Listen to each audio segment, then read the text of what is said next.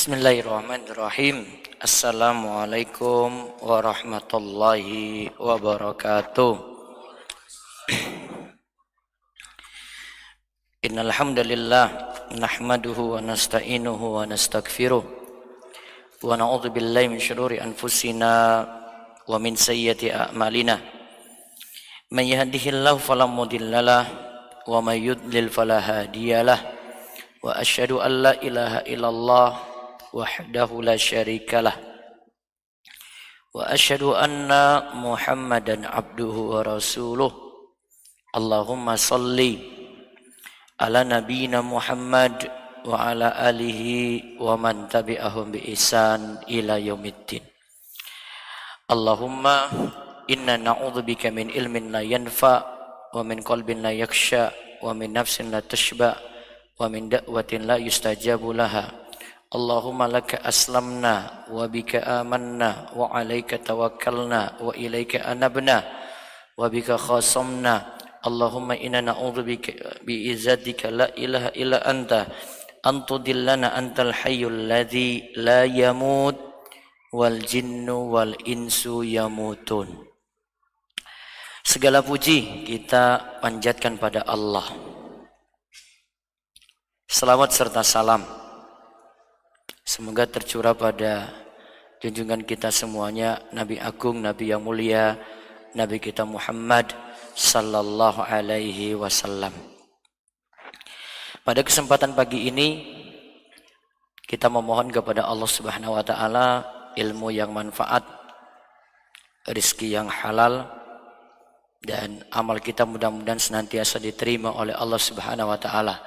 Sebagaimana doa Nabi sallallahu alaihi wasallam ba'da subuh Allahumma inni as'aluka ilman nafi'a wa rizqan thayyiba wa amalan mutaqabbala.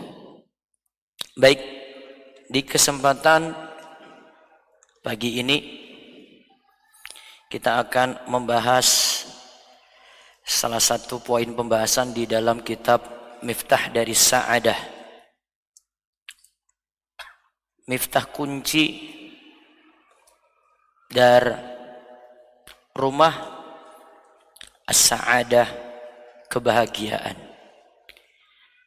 Kitab ini ditulis oleh ulama besar di masa silam Imam Ibn Al-Qayyim rahimahullah.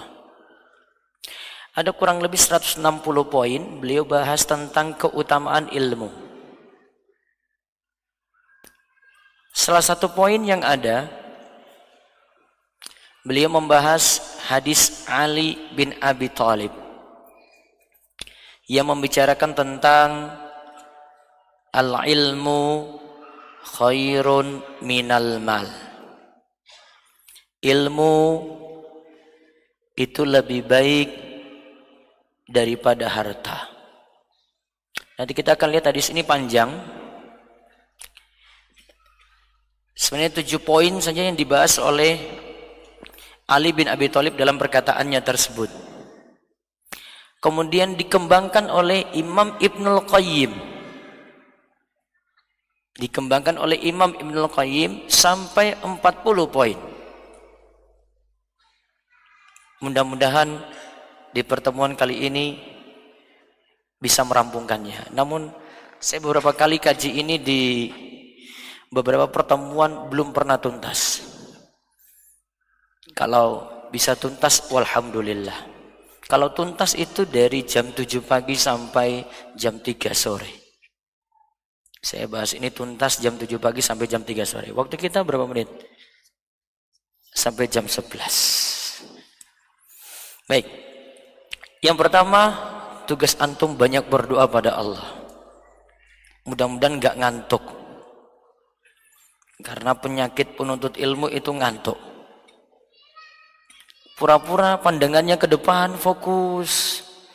Tapi blank. Kosong. Nah, kebiasaan kayak gini diubah. Kemudian yang kedua, setiap poin yang ada tolong dicatat. Nanti antum akan dapat faedah dengan mencatat. Poin-poin ini penting banget. Saya uraikan dalam buku ini Ini buku jadi buku saku, tapi kalau diuraikan itu panjang lebar. Poin-poinnya luar biasa dari Ibnu Qayyim. Sayang kalau antum melewatkan. Saya baca buku ini saya perlu baca berulang-ulang. Artinya nikmat sekali baca buku Ibnu Qayyim itu.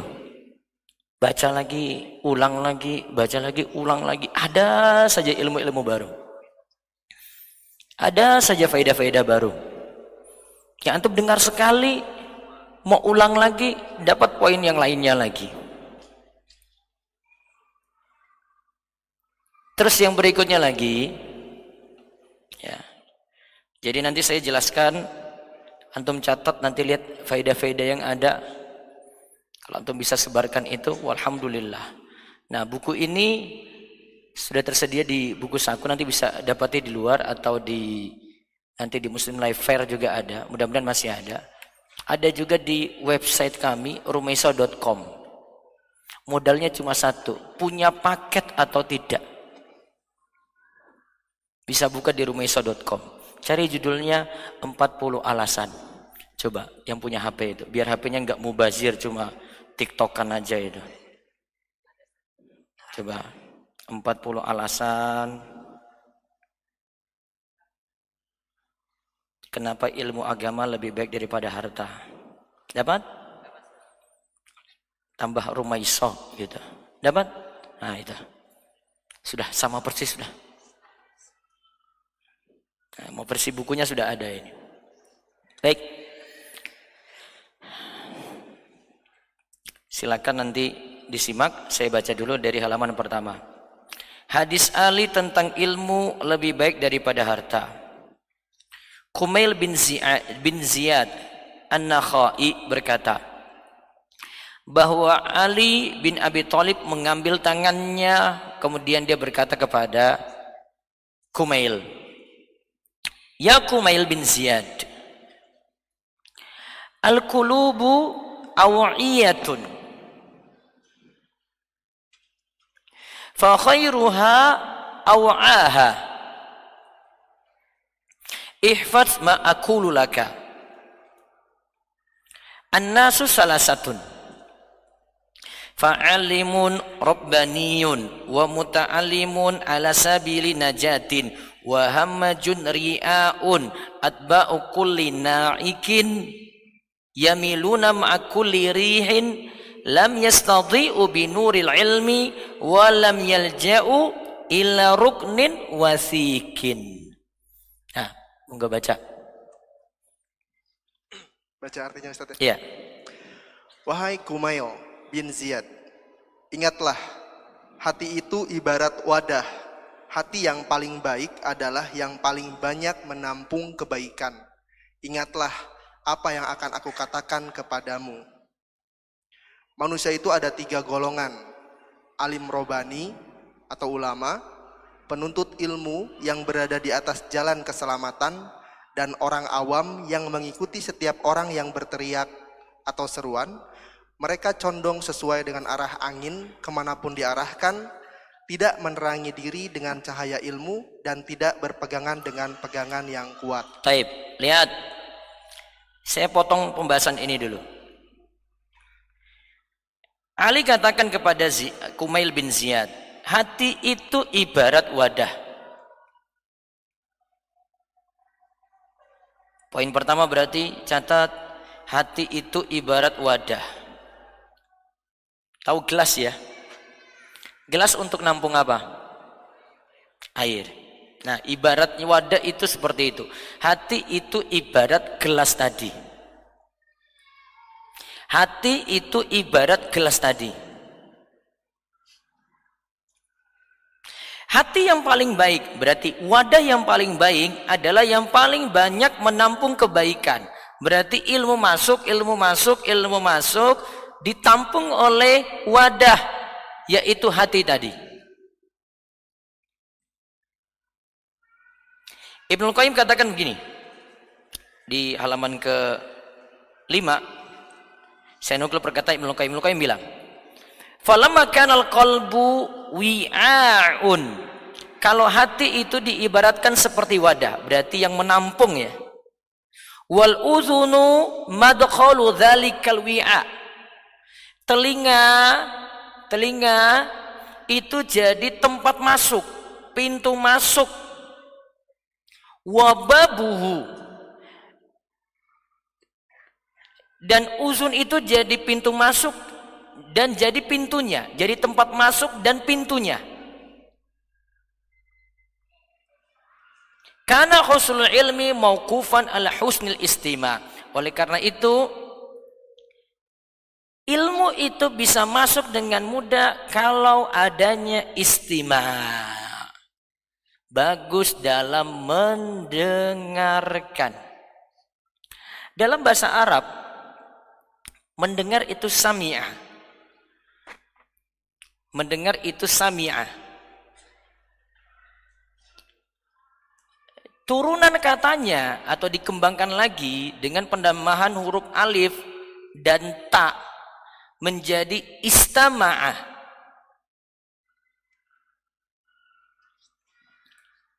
Dari sami'ah mendengar menjadi istama'ah. Istama'ah itu punya makna mubalaghah.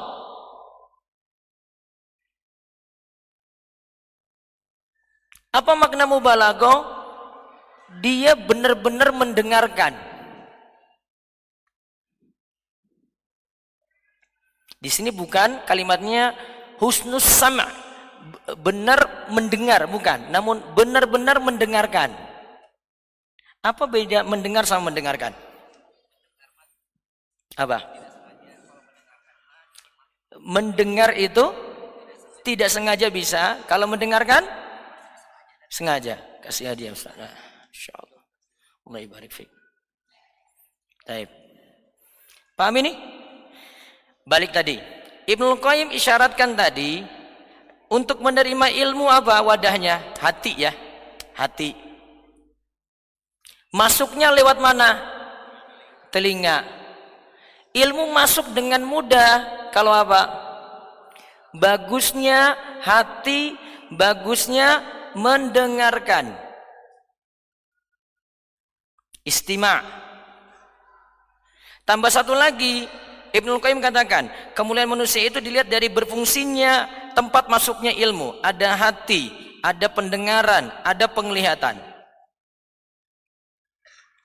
Ibnu Qayyim katakan, keyakinan itu ada tingkat, tiga tingkatan. Ada as-sam'u, pendengaran. Ada al-ainu, penglihatan, yaitu mata. Ada hati yang ketiga. Coba ulang apa saja? Tiga ini kita bahas tiga ini dulu. Ada apa pertama? As-sam'u. Mendengarkan ya. Terus al-ainu. Mata melihat. Kemudian ada hati al-qalbu. Tiga ini jika berperan dengan baik, ilmu bisa masuk.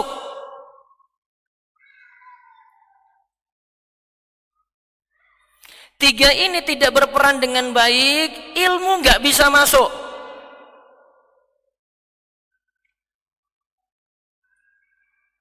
Tapi dari tiga yang ada, dua yang paling penting. Hati dan pendengaran. Karena kalau nggak lihat, tetap masih bisa masuk.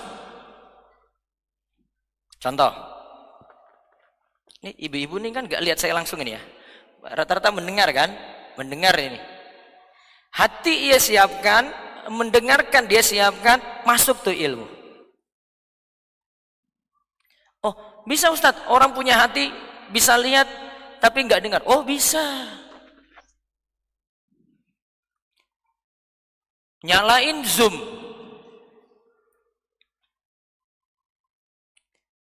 Kamera pembicara dinyalakan.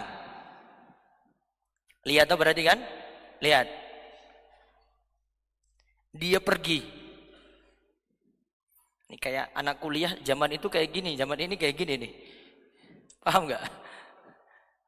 Untuk setor buka aja, setor absen kan? Nanti tinggal tanya sama dosennya, Bu, absennya mana Bu? Nah, isi. Terus dia tinggal. Dengar nggak? Dengar. Penglihatan lihat nggak? Dia tadi sudah nyalain itu. Nggak dengar. Dia nyambi dengan aktivitas lain. Ilmu masuk. Masuk nggak? Nggak masuk. Maka mendengar itu lebih penting daripada melihat. Bisa jadi orang hadir di sini, dia lihat ustadznya terus, tapi nggak fokus itu. Dia lihat pandangannya ke depan, dia dengar, tapi nggak masuk di hati, jadi nggak paham. Maaf, ini seperti kalau saya contohkan ya, ini seperti orang itu belajar bahasa Arab, ilmu nahu sorof. Pandangannya sudah fokus ke depan. Sudah jelaskan. Dia lihat ustadznya terus. Pandangannya nggak paham-paham. Saya sudah tahu ini. Nah, kamu ini nggak paham, pura-pura aja kamu itu. Saya ngajar bahasa Arab, saya tahu. Nah, ini mukanya ini pura-pura aja deh. Dia dengar. Sudah deh, kamu nggak paham aja kan? Nggak paham kan? Nggak paham kan? Gak usah pura-pura deh. Kelihatan banget mukanya kok. Gimana jelas? Dia diam. Enggak paham dari tadi. Blank. Maka kalau tiga-tiganya berperan ada di sini lebih bagus. Orang kalau pakai visual kadang lebih mudah. Kita itu kalau lihat cuma teks penjelasan beda dengan dikasih visual grafik ada tabel, ya kan? Ada gambar-gambar gitu, lebih asik ya. Oh ini nih dapat nih, dapat nih, dapat, dapat nih. Maka kadang materi kayak gini dibuat dengan model desain yang bagus, menarik, orang lebih mudah lagi ngena itu ilmu. Karena tiga-tiganya dapat. Mendengarkan, ya kan? Melihat dapat, ya kan? Hati siap. Masuk tuh. Pintu masuknya apa? Ilmu. Nah, tadi bicara hati, wadah, makin bagus wadah tadi, ilmu masuk, maka siap menerima ilmu dengan baik. Betul nggak? Sebenarnya Imam Ibnu Qayyim itu ingin menjelaskan gini. Ibaratnya wadah. Ini ini ada teh ini. Saya ingin minum air putih. Dengan gelas yang sama.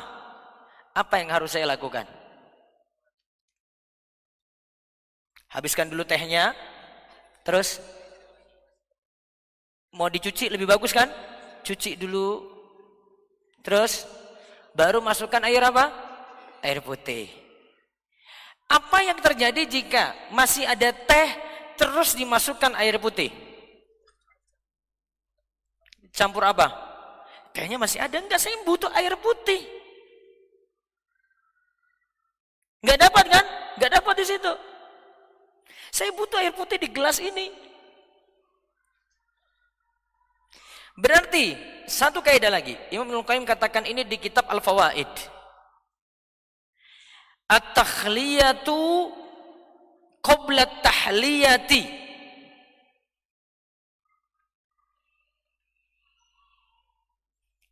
Mencuci itu dilakukan lebih dulu baru kemudian mengisi Mencuci itu dilakukan lebih dulu, cuci, cuci, gelasnya tadi nah, baru kemudian apa? Mengisi. Betul nggak? Ini misalnya kopi, ya. Saya cuci dulu gelasnya bersih, baru saya isi dengan yang baru, isi dengan air putih. Betul? Kaidah ini penerapannya untuk berbagai macam masalah. Contoh, Dalam masalah tauhid, syirik itu dibersihkan dulu, baru dimasuki iman. Betul nggak? Coba masih ada syirik. Syirik masih ada ini dalam wadah nih. Dimasuki iman, apa yang terjadi? Oh, bertolak belakang. Betul nggak? Gak bisa. Iman mau masuk. Pakai jimat iya. Pesugihan juga iya. Mau urusannya lancar, datangi dukun dulu. Iman masuk. Kontradiksi. Gak mungkin jalan nih. Jimat gak berfungsi, dukun tadi gak berfungsi, bertolak belakang dengan iman. Apa yang harus dilakukan dulu sebelum iman masuk? Syirik-syiriknya dihapus dulu. Syirik-syiriknya dibersihkan dulu. Baru kemudian iman itu apa? Masuk. Setuju? Makanya la ilaha illallah. La ilaha dulu. Tidak ada sembahan yang berhak disembah dulu kan? Baru tetapkan illallah. Hanya Allah saja. Betul nggak? Nggak boleh ilallah dulu baru la ilaha. Ya kan? Kalimatnya la ilaha dulu kan? Hapus dulu sesembahan-sembahan ini. Baru kemudian tetapkan ilallah, sembah hanya Allah saja. Selesai. Karena kontradiksi. Nggak akan ketemu.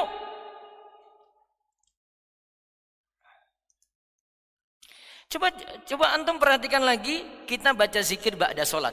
Subhanallah, alhamdulillah, Allahu akbar. Mana urutannya lebih dulu? Mana urutannya lebih dulu? Subhanallah dulu kah atau Allahu akbar? Atau alhamdulillah lebih dulu? Mana yang lebih dulu?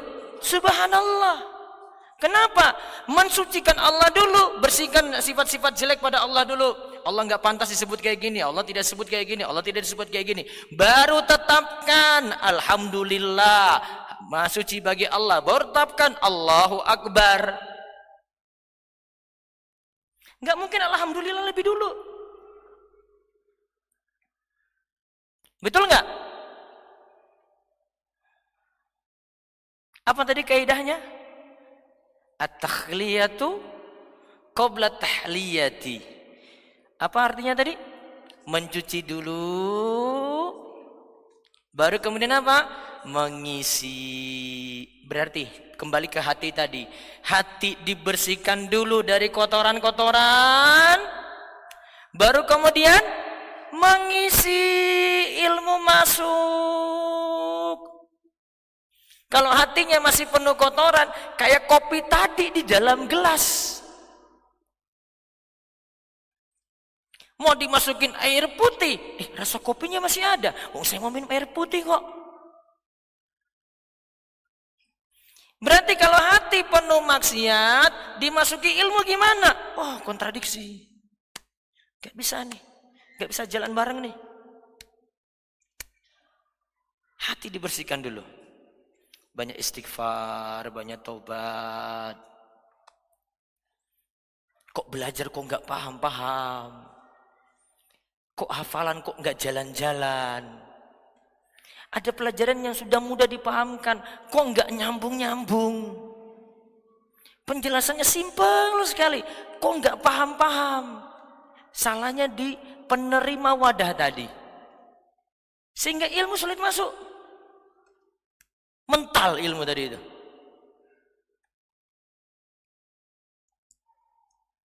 Paham ini? Jelas? Jangan pura-pura ini loh. Lihat loh ini. Jelas? Itu kalimat awal dari Imam Ali bin Abi Thalib tadi. Terus lihat. Pembahasan telah setengah hati selesai. Dan di sini beliau katakan, saya ambil lagi perkataan Ibnu Qayyim. Ibnu Qayyim bilang gini. Kenikmatan ahli surga di halaman ke-6 didapati dengan melihat Allah, mendengarkan kalam Allah. Melihat Allah, mendengarkan kalam Allah. Nikmat sempurna nanti di akhirat. Kebahagiaan manusia kata Ibnu Abdul Qayyim adalah dengan baiknya tiga tadi ya, pendengaran, penglihatan, hati. Inna sam'a wal basara wal fuada kullu ulaika kana anhu mas'ula. Sesungguhnya pendengaran, penglihatan, hati semuanya itu akan dimintai pertanggungjawaban oleh Allah. Ibnu Qayyim lantas katakan, kebahagiaan manusia itu baiknya tiga ini. Pendengarannya baik, penglihatannya baik, hatinya baik. Kesengsaraan manusia rusaknya tiga ini. Rusaknya pendengaran, rusaknya penglihatan, rusaknya hati.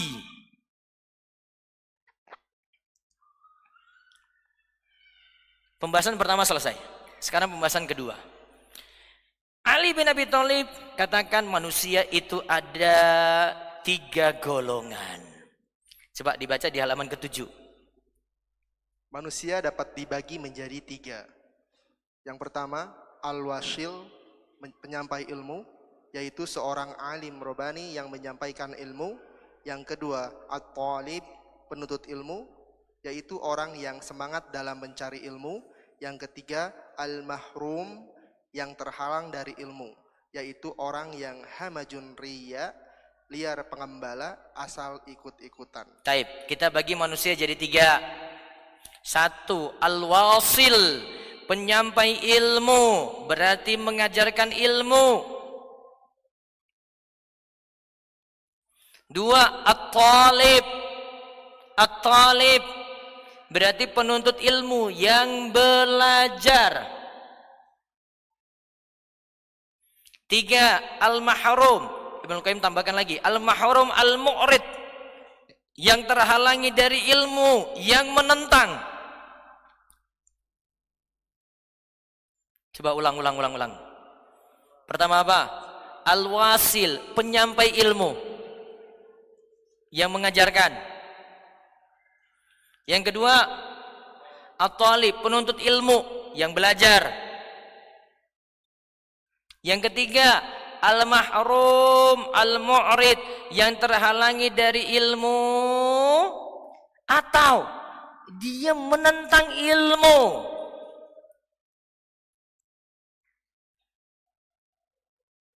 Manusia tiga. Tadi di sini Ibnu Qayyim sebutkan beliau katakan fa'alimun rabbani, alim rabbani. Tadi al-wasil. Wa muta'allimun ala sabilin najah. Orang yang belajar pada jalan keselamatan. Tadi at-talib. Kemudian yang ketiga al-mahrum al-mu'rid. Orang yang terhalang dari ilmu, yang menentang. Sekarang kita bahas yang pertama. Sifat dari al-wasil atau alim robbani. Alim robbani. Ibnu Qayyim katakan, "Wala yusraful alimu bi kauni rabbaniyan hatta yakuna amilan bi ilmi mualliman lahu."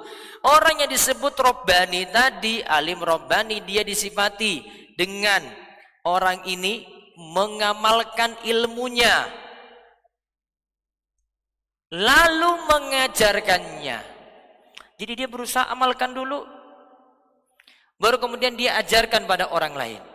Dia berusaha amalkan dulu baru dia ajarkan pada orang lain. Itu alim rabbani al-wasil tadi ya, penyampai ilmu. Terus yang kedua apa tadi? At-talib, muta'allimun ala sabilin najah. Orang yang belajar dengan menempuh jalan yang selamat. Ada sifat yang disebutkan oleh Ibnu Qayyim tentang at-talib di sini, penuntut ilmu. Ada tiga. Satu, Al-mukhlis fi ta'allumihi ikhlas ketika belajar. Al-muta'allimu ma yanfa'uhu belajar ilmu yang manfaat.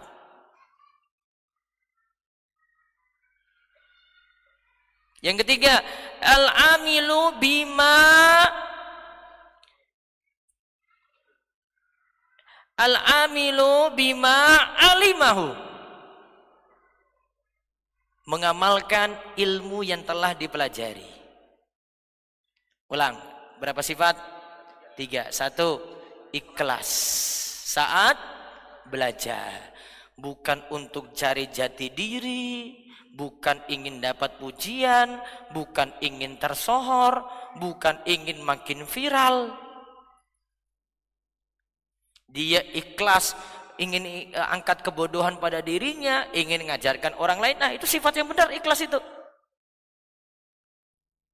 Terus dia belajar ilmu yang manfaat, bukan ilmu-ilmu yang tidak manfaat. Terus yang ketiga, dia mengamalkan yang telah dipelajari. Berusaha dia belajar, dia amalkan lagi, belajar, amalkan lagi, belajar, amalkan lagi.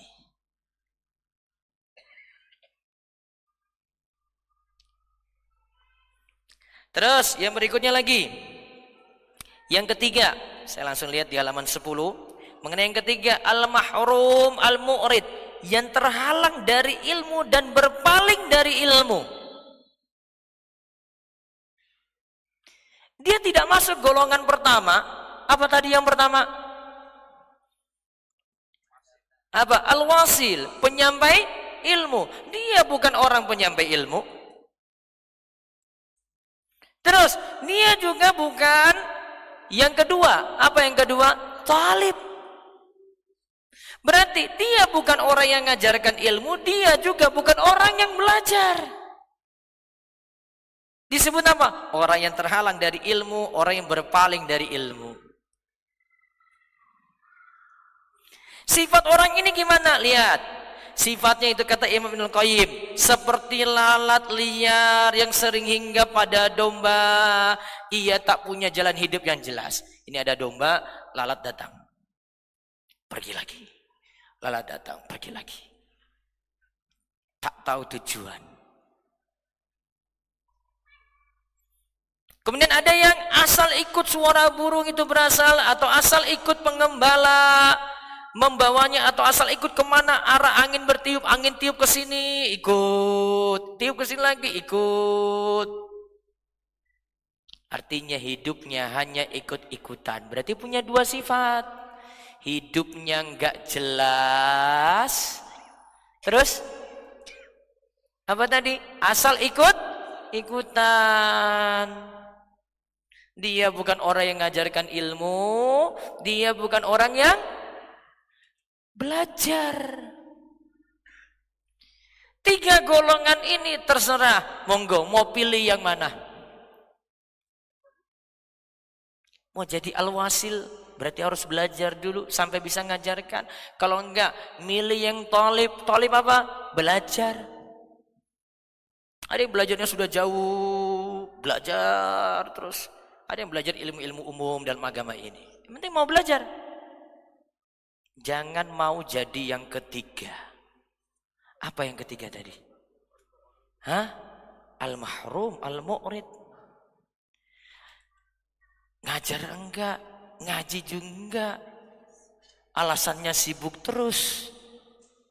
Hari kerja sibuk, weekend cari kesibukan lagi. Suruh ngaji, duduk di majelis ilmu, diam sebentar saja, enggak mau. Hadiri sholat Jumat, dengar khutbah Jumat, ngantuk.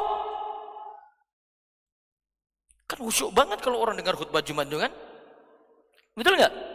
Kepalanya nunduk. Tawadu.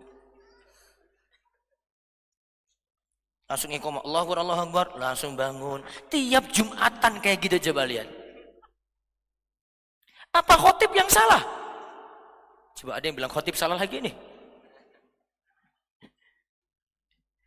Saya kadang kalau orang yang saya kenal tuh di depan saya itu langsung tak bangunin walaupun saya lagi khotbah depan.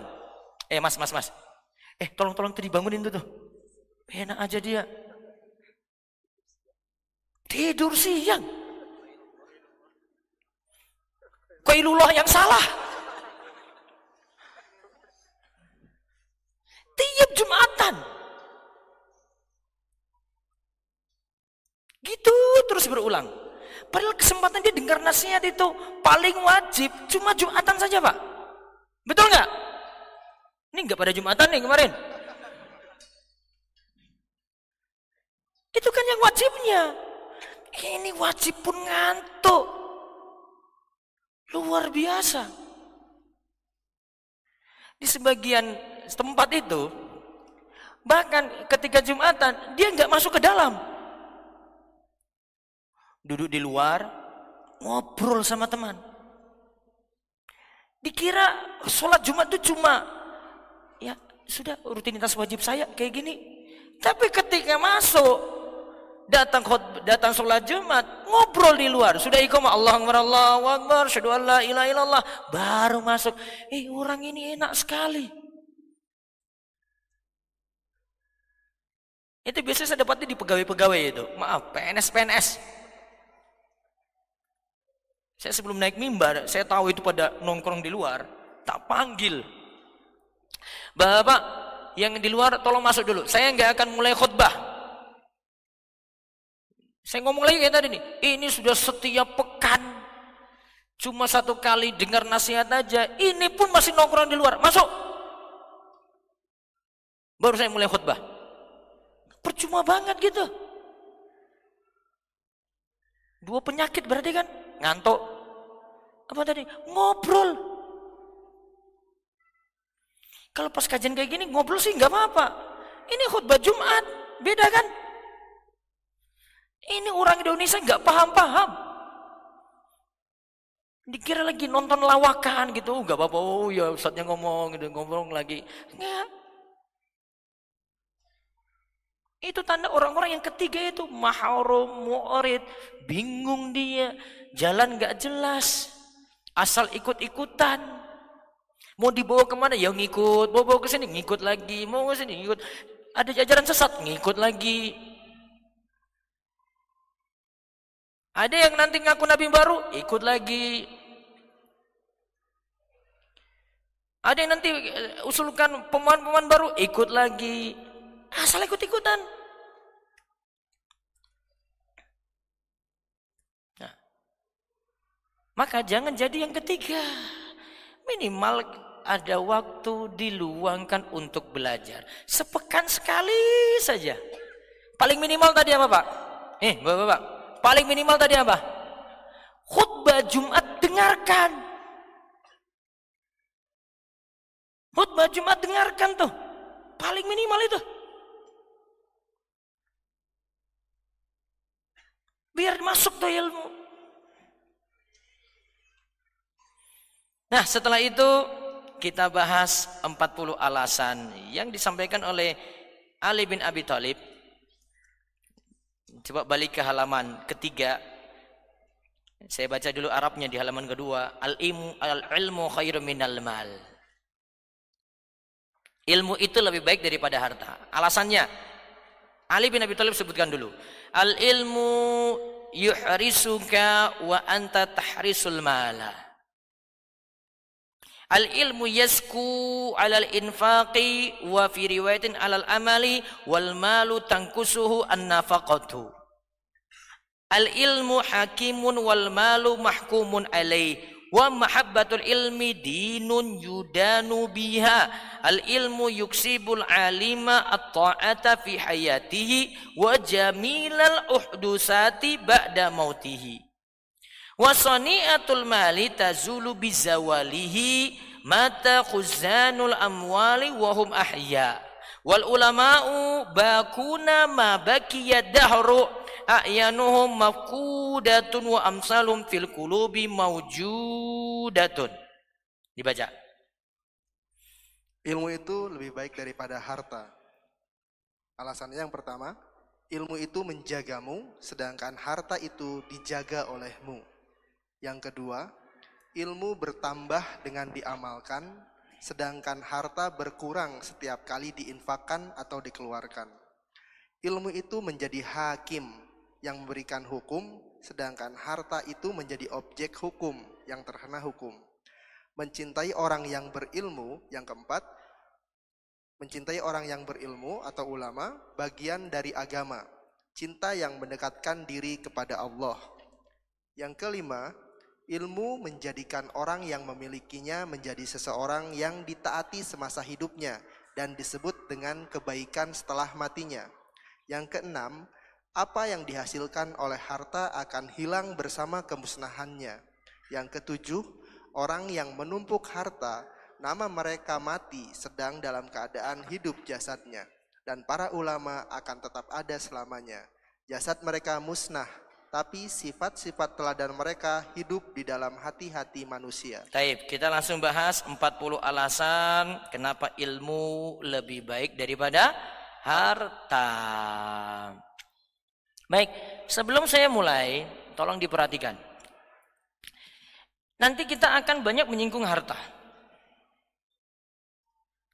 Dan pasti nanti akan menyinggung orang yang punya harta. alias orang kaya. Tolong nanti disikapi proporsional saja. Artinya gini, saya nanti akan bandingkan. Ibnu Qayyim nanti akan bandingkan. Beliau sebut ilmu bagaimana, harta bagaimana. Kalau memang nanti akan menyinggung orang kaya, diterima dulu. Kalimat Ibnu Qayyim itu bukan berarti orang kaya itu jelek semua, bukan. Kalau bisa dikompromikan dengan ilmu lebih baik. Soalnya maaf, saya ketika bahas ini, saya waktu bahas di kajian ibu-ibu sebelum saya nulis buku ini. Saya sebutkan poin-poin ini semuanya. Sudah sampai jauh poinnya. Ada ibu yang kebetulan dia itu memang kaya, punya dealer motor. Dia dengar ini terus, langsung dia potong saya di tengah. Ustaz, Mohon maaf Ustaz. Bu, kajiannya jangan nyinggung-nyinggung kayak gitu terus Ustaz. Saya itu merasa bagaimana begitu. Saya kan jadi merasa bersalah Ustaz. Bu, mau saya lanjut atau enggak ini? Kalau enggak mau saya lanjut, ya sudah. Kita berhenti aja kalau gitu. Gak usah saya lanjutkan lagi. Stop aja sampai di sini. Kalau mau lanjut, dengarkan aja dulu. Tinggal dibanding-bandingkan aja. Oh, sisi harta ini ya, sisi ilmu ini. Karena Ibnu Qayyim itu kadang cuma menyebutkan saja, tidak dia jelekkan. Jelas ini? Jelas? Ini mau lanjut? Mau lanjut? Kalau kesinggung gimana? Gas aja ya. Gas. Ya, setuju ya? Awas nanti ada yang potong saya di tengah nanti ya. Ya. Ustaz, saya pulang aja Ustaz. Saya jadi merasa bersalah ini di sini ini. Ya. Baik, kita bahas dari halaman 13 dibaca. Kelebihan ilmu. Kelebihan ilmu terhadap harta dapat diketahui melalui beberapa sisi yang bertolak belakang sebagai berikut. Yang pertama, Ibnu Qayyim nanti bahas ilmu dulu, terus dibandingkan harta. Ilmu kayak begini, harta itu kayak gini. Ilmu sifatnya begini, harta itu kayak gini. Jadi dibanding-bandingkan. Ilmu dulu terus harta, ilmu terus harta. Gitu ya. Terus nomor satu. Nomor satu. Ilmu adalah warisan para nabi. Sementara harta adalah warisan para raja dan orang kaya. Berarti nomor satu. Ilmu itu warisan. Warisan siapa? Para nabi. Berarti nabi mewariskan apa? Ilmu. Al ulama warasatul anbiya. Ulama itu penerus para na nabi, pewaris para nabi. Terus harta apa yang Ibnu Qayyim sebutkan? Harta itu warisan dari raja dan orang kaya. Itu kalau jenengan mau bikin bagus itu, ilmu sini, harta sini, bikin tabel itu loh. Saya lihat yang catatan yang bagus itu cuma akhwat aja itu. Kalau cowok-cowok ini kayaknya biasa-biasa aja ini kayaknya. Datar-datar aja itu. Saya pas ngaji ini terus akhwat, Masya Allah ini, rapi sekali. Dia buat tabel langsung loh itu. Detail lagi. Yang cowok-cowok ini kayaknya biasa-biasa aja ceritanya ini ya. Mau dibilang Pak Dokter juga bukan.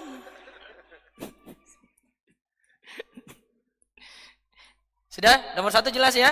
Nomor dua.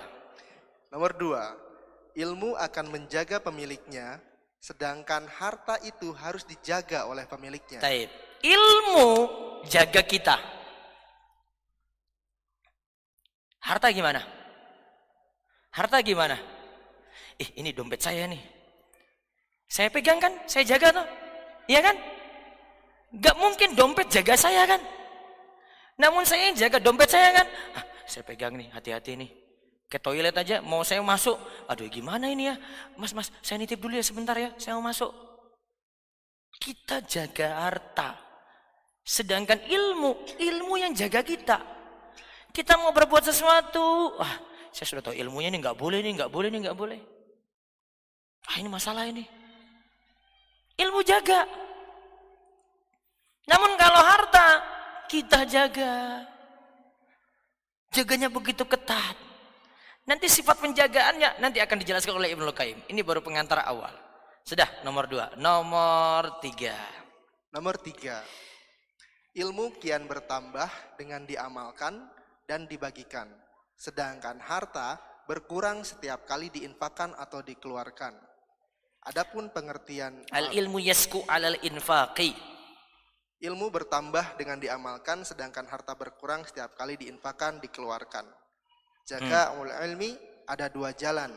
Yang pertama mengajarkannya, yang kedua mengamalkannya.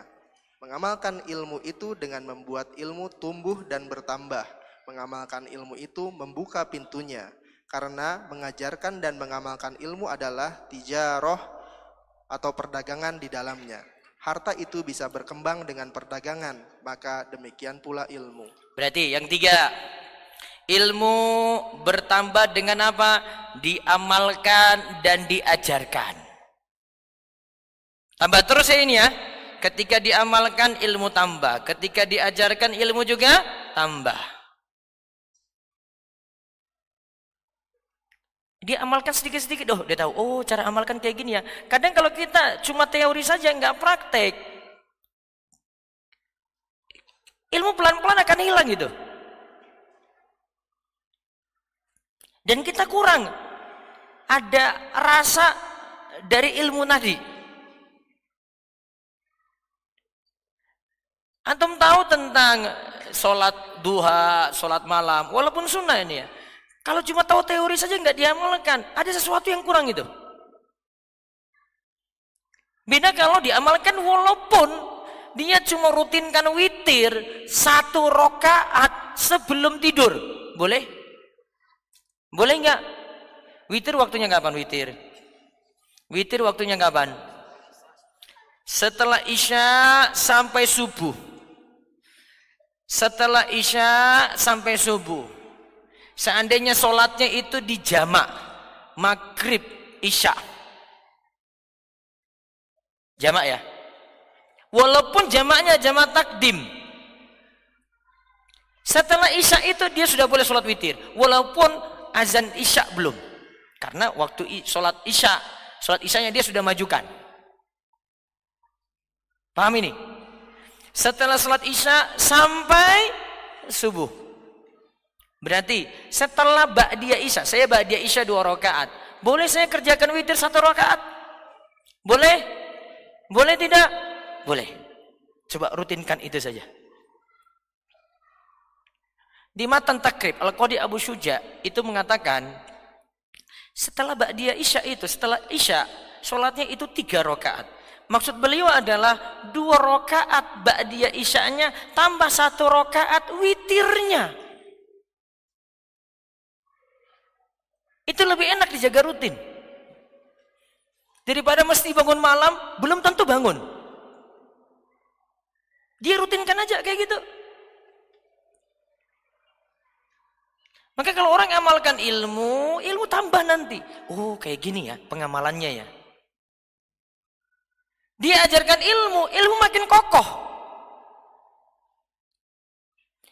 Orang yang hafal Quran, menurut saya, dia itu hafalannya bisa kokoh. Cuma dengan cara dia ajarkan hafalan Al-Quran. Kalau dia cuma banyak mengulang saja, tanpa mengajarkan, saya yakin pelan-pelan Hafalannya hilang atau tersisa seberapa saja. Karena kurang murojaah, kurang mengajarkan. Maka saya kalau lihat, wah ini anak ini, ini hafiz nih.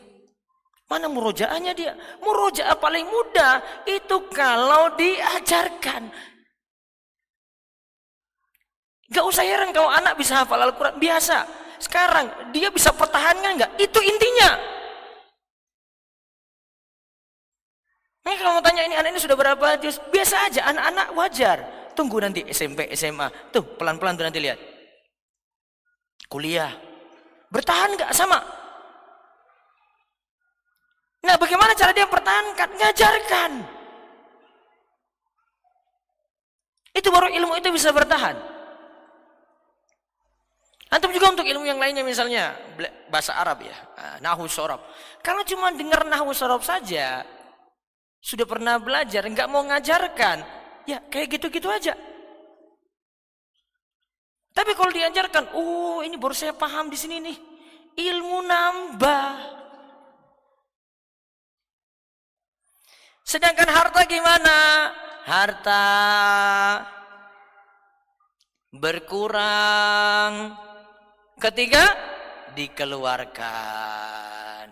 Ilmu malah dikeluarkan bertambah. Sedangkan harta kalau dikeluarkan berkurang. Ah, terus Ibnu Qayyim singgung, infaknya ilmu itu zakaul ilmi artinya ilmu itu bisa bertambah mengajarkannya dan mengamalkannya. Ajarkan, amalkan, ajarkan, amalkan, ajarkan, amalkan. Ilmu kokoh.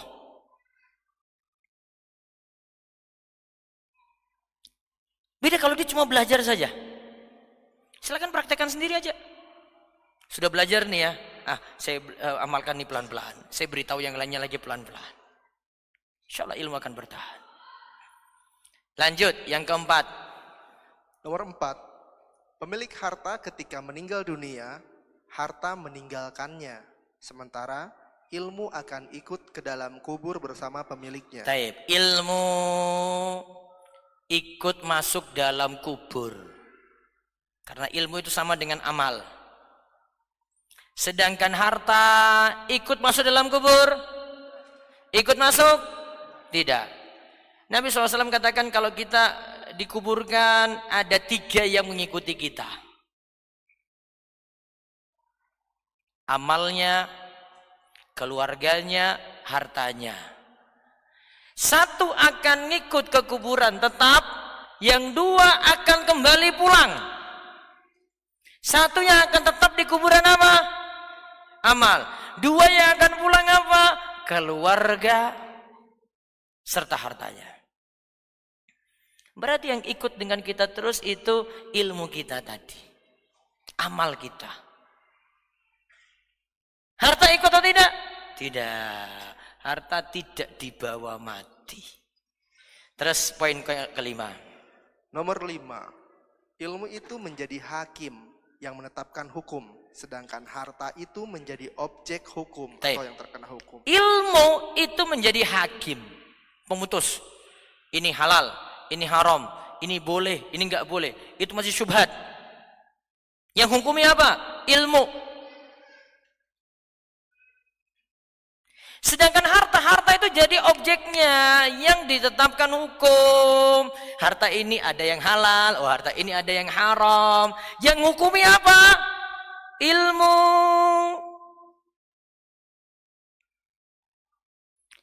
Sama dengan transaksi untuk mendapatkan harta tadi. Yang hukumi apa? Ilmu. Contoh. Di marketplace itu ada sistem dropship. Dropship boleh atau tidak? Tergantung akadnya. Gimana akadnya?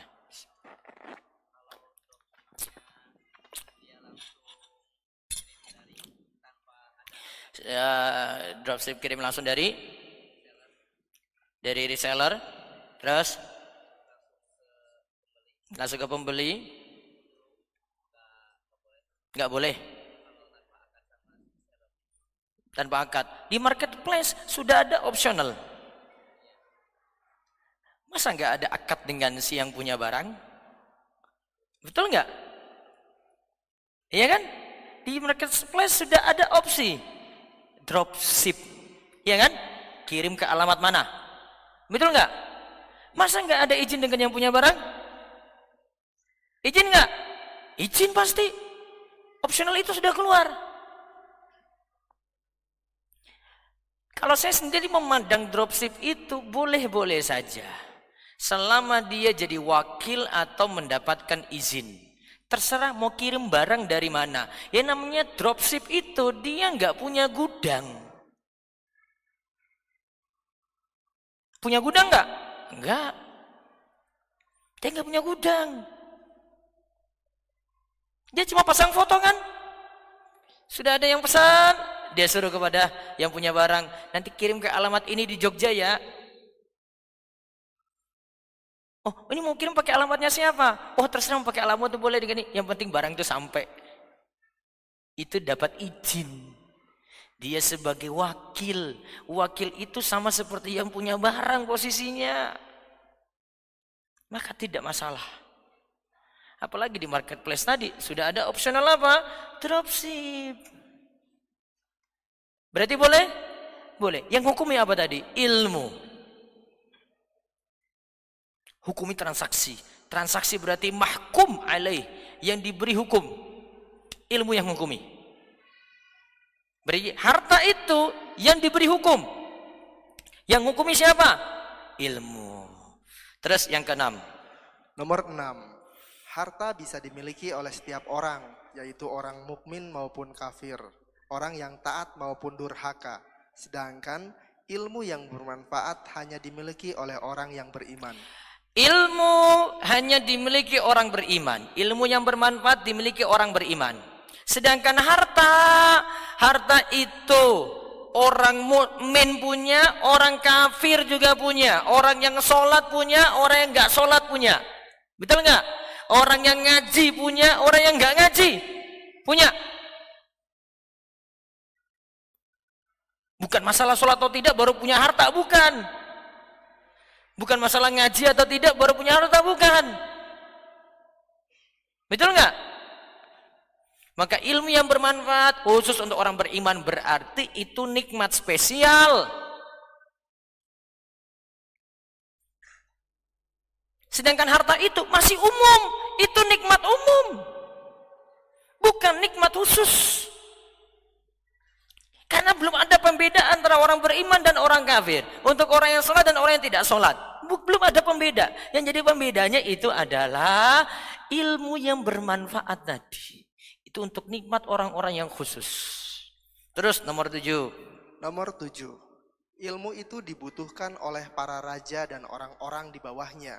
Adapun harta itu dibutuhkan dan dicari oleh orang fakir miskin. Orang fakir miskin kurang harta, maka dia butuh harta. Raja, orang kaya, dia butuh bagaimana cara mengelola harta ini. Dia butuh apa berarti? Butuh ilmu. Punya harta sekian. Ustaz saya sudah punya harta gini nih. Gimana cara bayar zakatnya? Dia cari orang itu. Jelaskan ilmunya gimana. Orang miskin, orang fakir, orang miskin, dia butuh harta. Orangnya kalau sudah jadi raja, sudah kaya, dia butuh apa? Ilmu.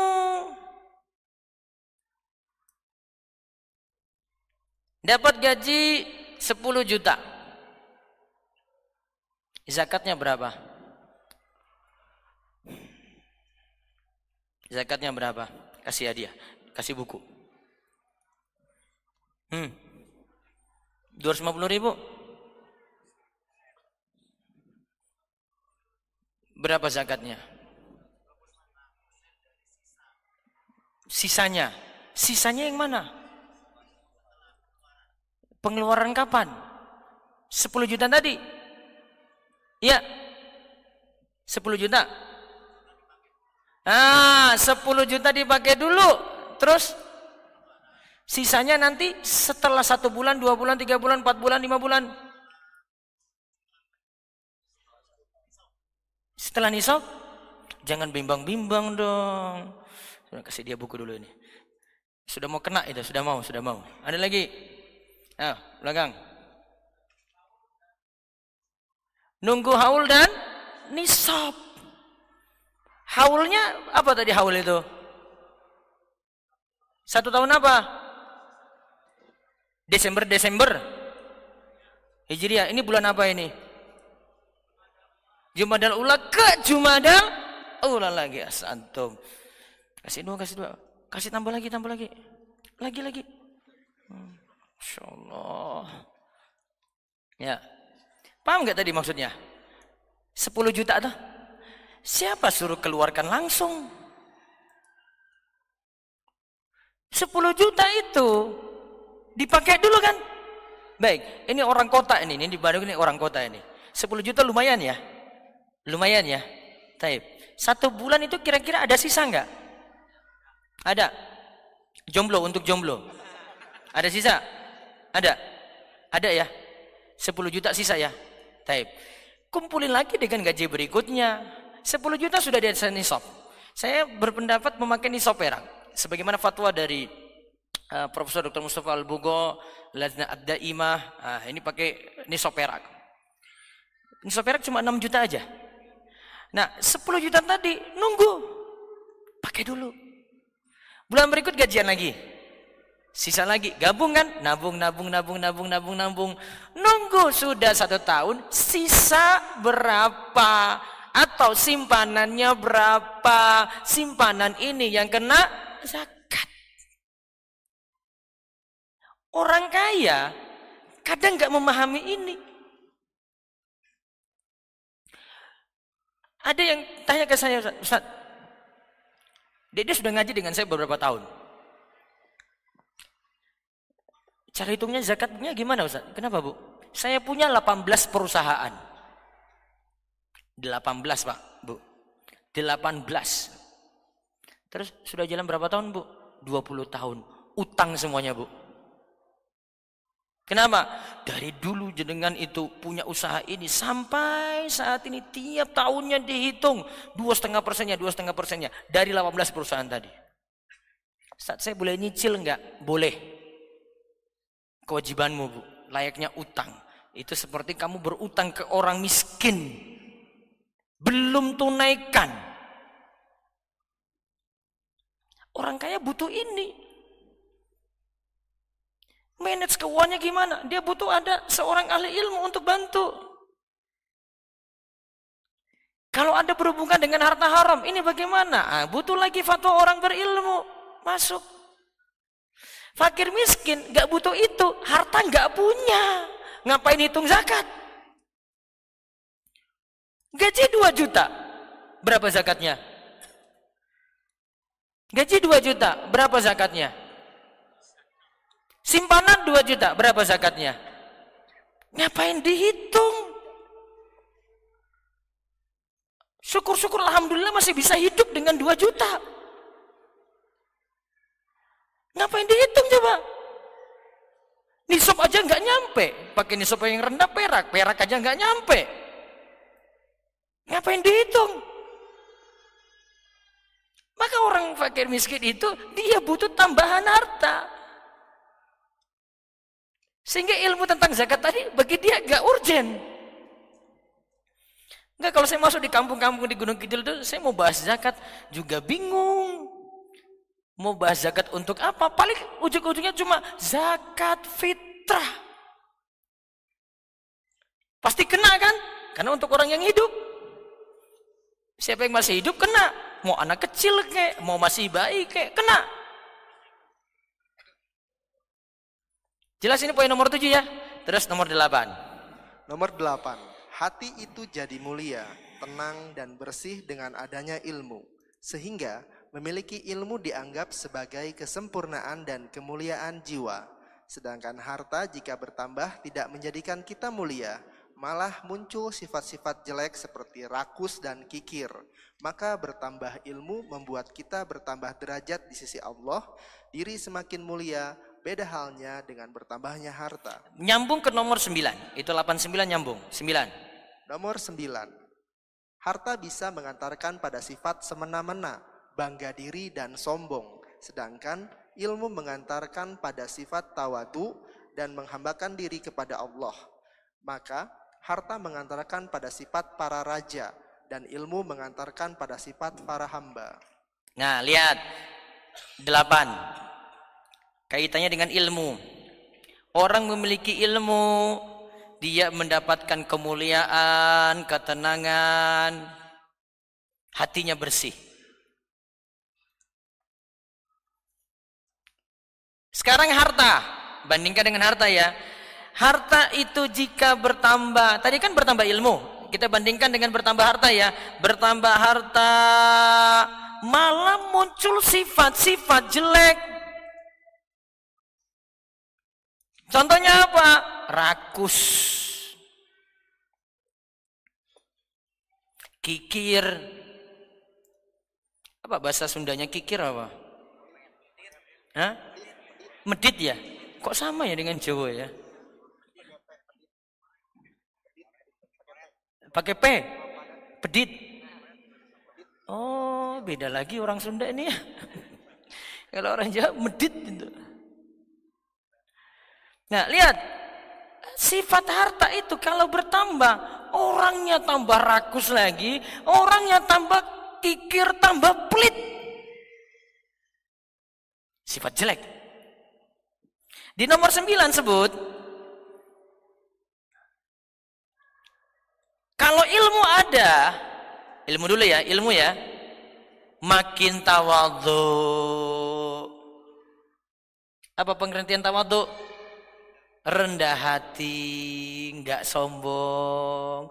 Nampak banget itu orangnya itu. Kalau punya ilmu itu seperti itu, tawadhu. Tapi ada orang yang belajar, memang dia butuh langkah-langkah dulu Sampai dia jadi tawadu.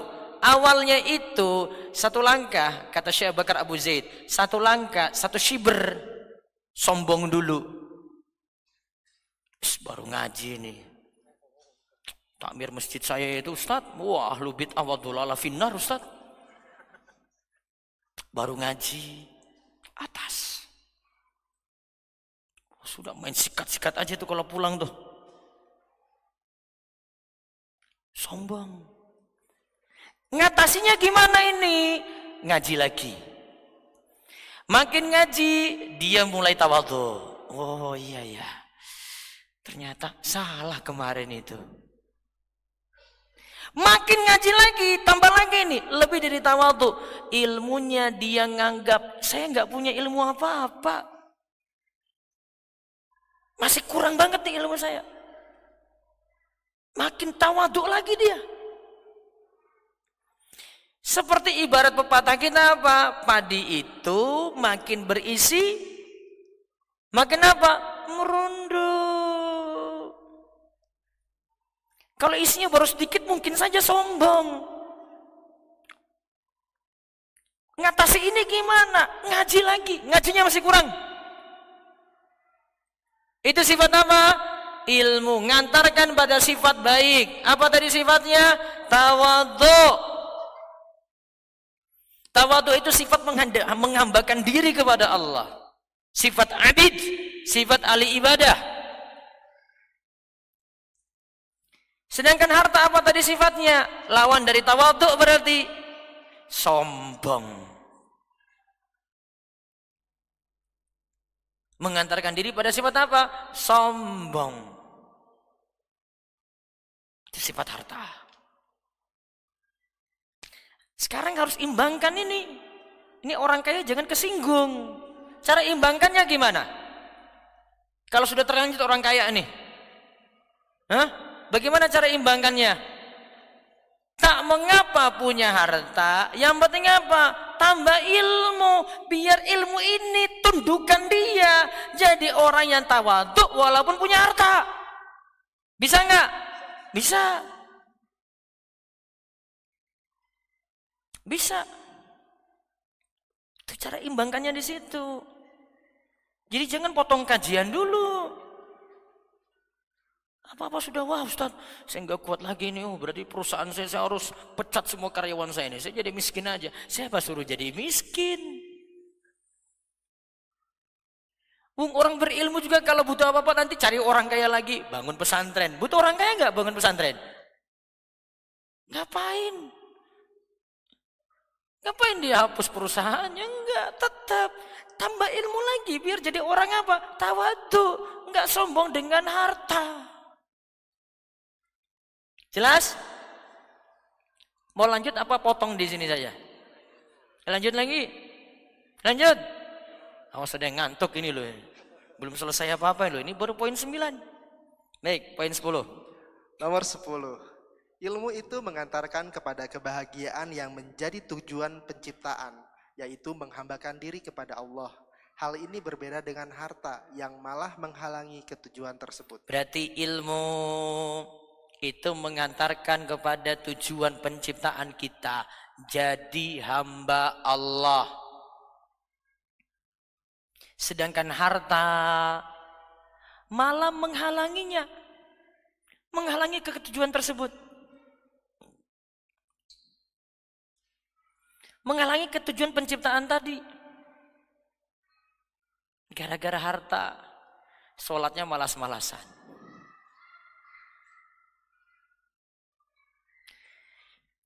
Saya pernah dengar ada podcast. Ya mungkin antum juga pernah dengar lah. Coba dengar kalimat saya. Dia ditanya gini. Artis nih. Punya harta nggak berarti? Punya. Pertanyaannya simpel. Kapan terakhir kamu melaksanakan sholat? Tahu jawabannya? Sholat Idul Adha 2019. Paham nggak? Berarti sholat-sholat yang lain gimana?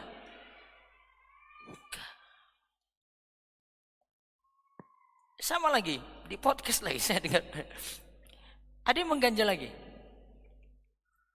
Bangun pagi jam berapa? Oh, saya bangun pagi jam 6. Ada yang mengganjal di situ? Ada yang mengganjal? Apa? Sholat subuhnya jam berapa? Antum harus kritis tuh, jangan cuma dengar, uh, iya ya, jam 6 aja bangun. Saya gak yakin deh dia sholat subuh. Karena dia sudah bilang kok bangunnya jam 6. Yakin dia sholat subuh? Kalau dia itu ditanya kayak gini, dia sholat subuh pasti bilang, ya jam 4 saya bangun. Sholat subuh dulu. Habis itu saya fitness, saya olahraga. Nah itu tuh, bener nih.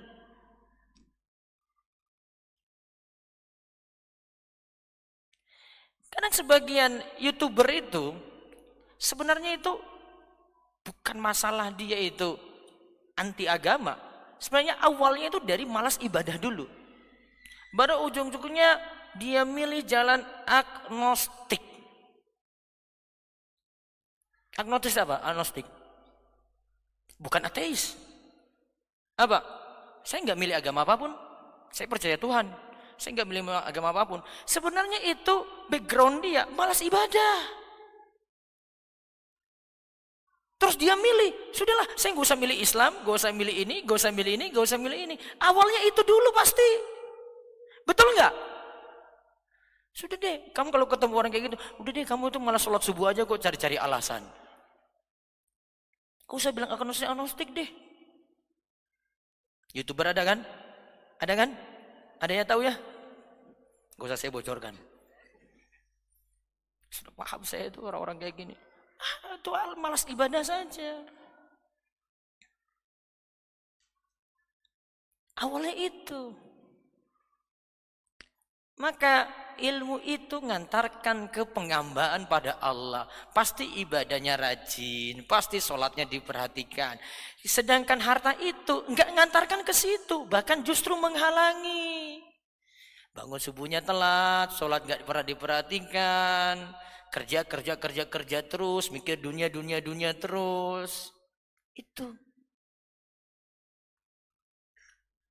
Berarti biar hartanya manfaat bagaimana? Boleh punya harta?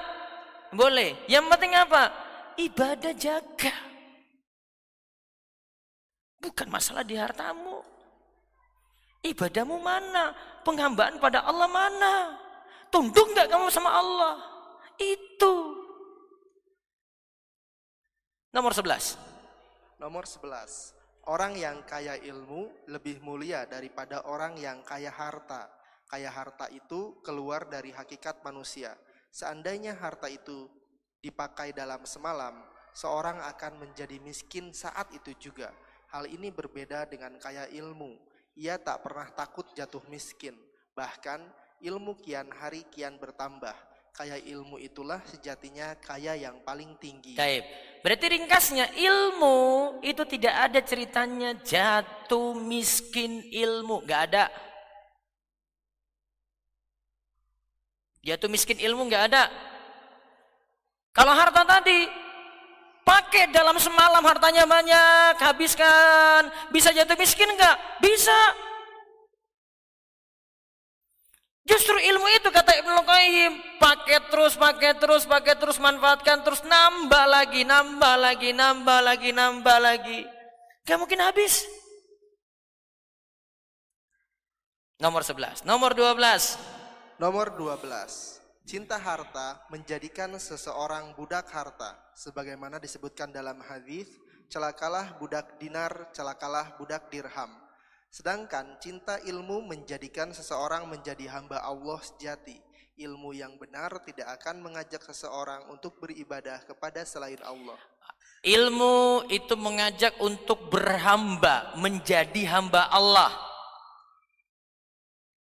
Dia jadi Abdullah, jadi hamba Allah. Harta menjadikan orang budak harta.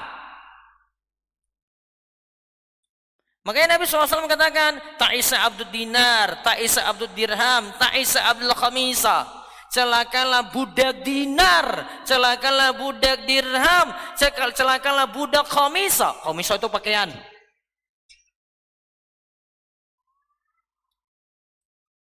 Jadi budak dunia dia. Kalau budak itu apa-apa dengan hartanya dia nurut berarti. Tujuan dia pokoknya harta. Sampai pun ada orang yang jadikan harta itu tujuan dia memang. Mau ibadah pun dijadikan tujuannya pokoknya hartanya. Tuh ini ada ada MacBook keluaran terbaru atau ada iPhone keluaran terbaru. Terus disolawatin. Saya cuma kasih satu logika aja gini. Logika, logika berpikir. Ada dulu salaf pernah lakukan kayak gitu, ulama dulu pernah lakukan. Ada. Cuma orang Indonesia. Simpel aja bantahnya. Kalau ada, Umar itu sudah dari dulu itu harusnya itu. Umar lihat unta ini, unta istimewa. Allahumma sholli ala Muhammad wa salli ala Muhammad Uh, unta datang tuh baru itu. Kalau yang dulu nggak pernah lakukan kok orang sekarang cuma gara-gara iPhone keluaran terbaru, MacBook keluaran terbaru, di diamin dia dekat ini, masuk mall nih. Allahumma sholli ala Muhammad wa salli Rendah banget. Selawat itu sejatinya untuk dapat syafaat Nabi loh.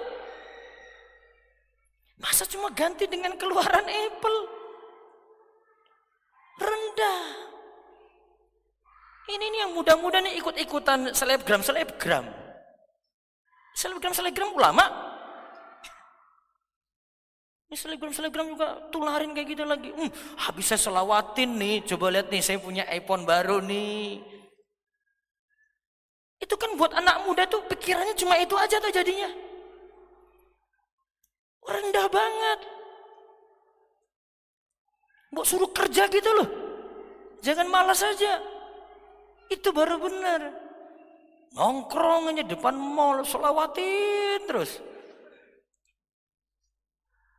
Rendah banget itu. Jangan jadi budak harta. Apa-apa amalan untuk itu. Kerja. Dan juga jangan standar hidupnya kayak gitu. Sesuai kemampuan saja. Biar nggak banyak pikiran. Orang itu dalam hidup itu lihat keadaan diri. Saya ini gaji berapa? Gaya hidupnya gitu. Jangan gaji 5 juta, pikirannya gaya hidup 20 juta. Apa yang terjadi coba? Apa yang terjadi? Pinjol. Betul nggak? Gampang banget tuh. Coba buka aja Play Store, coba coba, coba buka. Gampang itu tinggal cari aja. Pinjol sekarang apa ya? Ada anak muda pinjaman online-nya ya Allah 100 jutaan, mahasiswa Orang tuanya kaget banget tuh kan kalau pinjol nggak bayar-bayar kan dia telepon siapa-siapa yang jadi orang dekat ya kan. Orang tuanya tahu stres, rumah dijual cuma gara-gara anaknya pinjaman online coba lihat. Gaya hidup. Ujung-ujungnya gaya hidup lagi loh. Orang gaji 5 juta, gayanya 20 juta. Wah, tunggu aja. Pasti pinjol itu. Jangan jadi budak harta, stres. Jadilah hamba Allah saja, tenang. Hidupnya enjoy. Terus 13. Nomor 13. Cinta ilmu dan mencari ilmu adalah asal pokok dari segala ketaatan, sedangkan cinta harta dan mencari harta adalah asal pokok segala kejelekan. Segala kebaikan, ketaatan itu asalnya dari ilmu. Segala kejelekan, kerusakan, maksiat asalnya dari harta, rebutan harta, pingin dapat harta, ya kan? Rebutan harta bertengkar, kejelekan, kerusakan. Bisa sambil sampai saling bunuh nggak? Bisa nggak? Bisa. Itu asalnya dari harta itu. Terus 14. 14. Orang disebut kaya dengan adanya harta, sedangkan orang disebut alim dengan ilmunya. Jika harta hilang pada orang kaya, hilanglah jati diri orang kaya, tak dipandang kaya lagi. Namun seorang alim selalu dipandang dengan ilmunya, bahkan ilmu kian bertambah dan berlipat ganda ketika dibagikan. Nah, orang kaya disebut kaya kalau punya harta. Kalau hartanya hilang gimana? Masih disebut kaya? Masih disebut kaya? Enggak. Berarti dia disematkan kaya karena punya harta. Orang kaya disebut kaya karena punya harta. Kalau hartanya hilang, nggak disebut orang kaya. Orang berilmu mungkin nggak ilmunya hilang, nggak. Yang ada ilmunya dipakai, ilmunya dipakai, ilmunya dipakai, tambah lagi, tambah lagi, tambah lagi, tambah lagi. Beda dengan sifat orang kaya tadi. Terus 15. 15. Esensi dari harta sama dengan esensi dari badan, sedangkan esensi ilmu sama dengan esensi ruh. Yunus bin Habib berkata, ilmumu itu dari ruhmu, sedangkan hartamu dari badanmu. Perbedaan antara ilmu dan harta sama dengan perbedaan ruh dan badan. Nah, lihat. Esensi dari harta sama dengan esensi dari badan. Badan berarti tampak dari luar. Harta tampak juga dari luar kan? Ya. Sedangkan esensi ilmu sama dengan esensi ruh. Ruh itu di dalam. Maka ilmu itu sama dengan ruh. Lihat kalimat Yunus bin Habib. Ilmumu itu dari ruhmu. Berarti ilmumu itu dari dalam dirimu.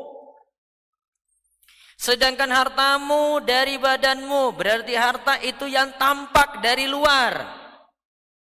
Perbedaan antara ilmu dan harta sama dengan perbedaan roh dan badan. Esensinya apa? Ilmu sifatnya itu di dalam. Harta sifatnya itu apa? Di luar. Maka orang berilmu kalau dia diam saja, orang tidak tahu. Keadaan dia, dia itu orang berilmu. Namun kalau harta, orang lihat dari penampilan. Oh penampilannya kayak gini.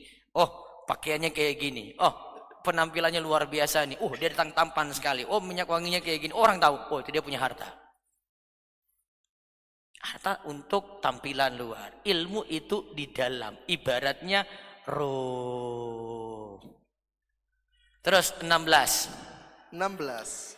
Seorang alim ketika sebagian ilmunya ditawarkan untuk diganti dengan dunia, ia tidak ridho dengan ilmu yang digantikan tersebut. Sedangkan orang kaya yang akil atau cerdas, jika ia melihat keutamaan, kemuliaan, dan kebahagiaan orang berilmu karena ilmu yang dimilikinya, orang kaya ini berharap tergabung padanya antara ilmu dan kekayaan. Sekarang lihat. Yang pertama orang alim. Dia punya ilmu sekarang. Orang alim ini punya ilmu. Diminta ilmumu keluarkan sebagian. Saya ganti ilmumu ini dengan harta ini. Ditukar. Mau nggak kamu? Orang alim jawab tidak mau. Ilmu ditukar harta nggak mau. Orang alim ya, ilmu ditukar harta nggak mau? Nggak. Tetap ilmu saya itu jalan kebahagiaan saya saya tidak mau digantikan dengan hartamu. Itu orang apa? Berilmu. Sekarang perhatikan orang kaya. Orang kaya punya harta. Dikeluarkan ditukar dengan ilmu. Mau nggak? Hartanya berkurang terus diganti dengan ilmu. Mau nggak? Mau nggak? Rata-rata dia pikirannya gini, enggak, harta tetap, saya mau tetap. Ilmu nambah. Saya nggak mau ditukar harta saya ini dengan ilmu. Harta pokoknya tetap, ilmu tetap masuk. Maka dia ingin dapat dua-duanya. Harta ingin dapat, ilmu juga ingin dapat. Beda dengan orang berilmu. Orang berilmu ditukar dengan harta ilmunya nggak mau. Orang kaya hartanya tukar dengan ilmu nggak. Saya tetap mau harta saya tetap ada. Ilmu masuk. Paham bedanya? Paham bedanya ini ya? Maka orang berilmu dia sudah rasa bahagia dengan ilmunya, nggak mau ditukar dengan dunia. Orang kaya harta sifatnya juga sama. Dia tidak mau keluarkan hartanya. Yang dia mau gimana? Ilmu tetap saya dapat, harta juga tetap harus ada. Jangan sampai berkurang. Itu karakternya orang kaya.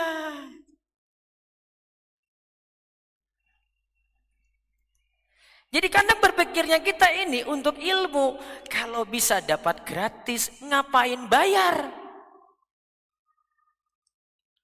Biasanya kita pikirin kayak gitu. Eh, harta saya pokoknya harus tetap nih.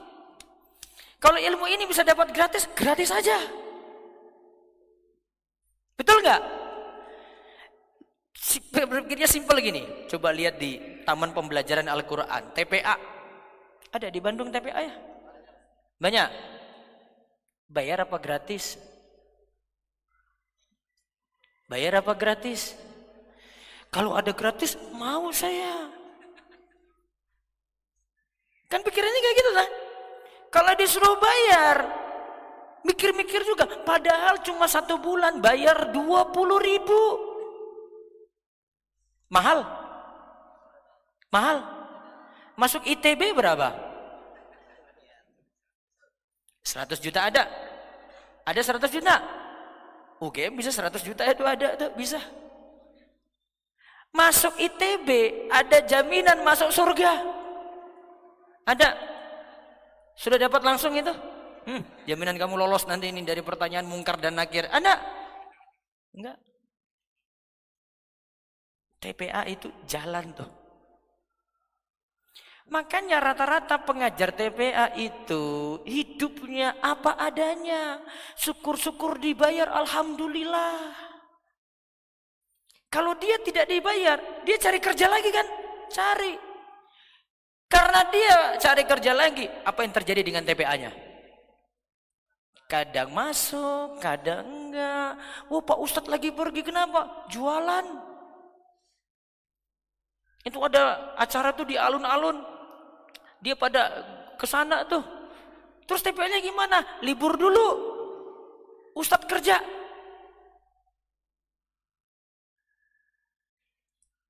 Orang tua itu lebih sulit keluarkan 20 ribu tadi. Daripada keluarkan 100 juta walaupun jual sawah. Betul nggak? Oh, yang penting Ustadz anak saya masuk ITB.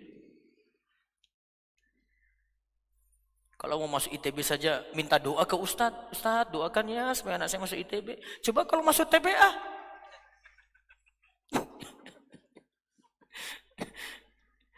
Gak ada kan ceritanya kan. Ustadz doakan ya supaya anak saya itu masuk TPA ini. Ya. Gak ada. Ini kalau masuk ITB. Ustadz tolong doakan ya besok ini ada tes. Mudah-mudahan anak saya lulus. Padahal belum tentu kalau lulus dari universitas bagus juga. Belum tentu juga jaminan dapat kerja.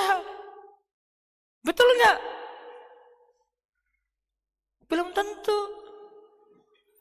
Serasa itu kalau sudah masuk UGM, sudah masuk ITB, pokoknya kayak surga gitu sudah dapat. Biasa saja bro. Belum tentu juga. Berikutnya lagi. Nomor berapa ini? Nomor 17. Nomor? 17. 17. Nomor berapa? Kata. Nah, tadi nomor 16 sudah paham ya? Sekarang 17. Nah, ini poin penting. Saya bacakan Arabnya nih. Kata Imam Ibnu Qayyim. Annama atau Allah ahadun qattun illa bi ilmi wa am wa ammatu mayasihi inna mayasihi bil mali. Baca. Seseorang itu bisa menaati Allah dengan benar karena ilmu yang ia miliki. Namun sebaliknya, maksiat itu terjadi umumnya karena harta. Orang itu dia menaati Allah dengan ilmu yang dia miliki. Kalau cuma dengan ilmu saja, insya Allah jadi orang baik. Dia punya ilmu agama, insya Allah jadi orang baik, jadi orang taat. Sedangkan harta itu, ini ya, maksiat itu terjadi umumnya karena harta. Berarti orang berilmu bisa saja bermaksiat karena ada faktor harta. Contoh, eh, bahas kasus saja ini.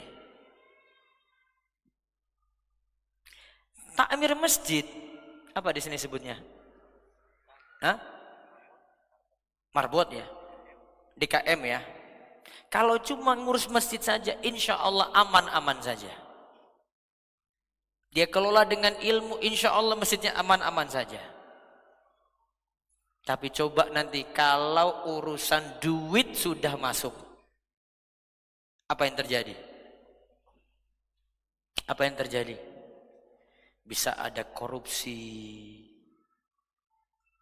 bisa jadi salah satu DKM ambil uang masjid.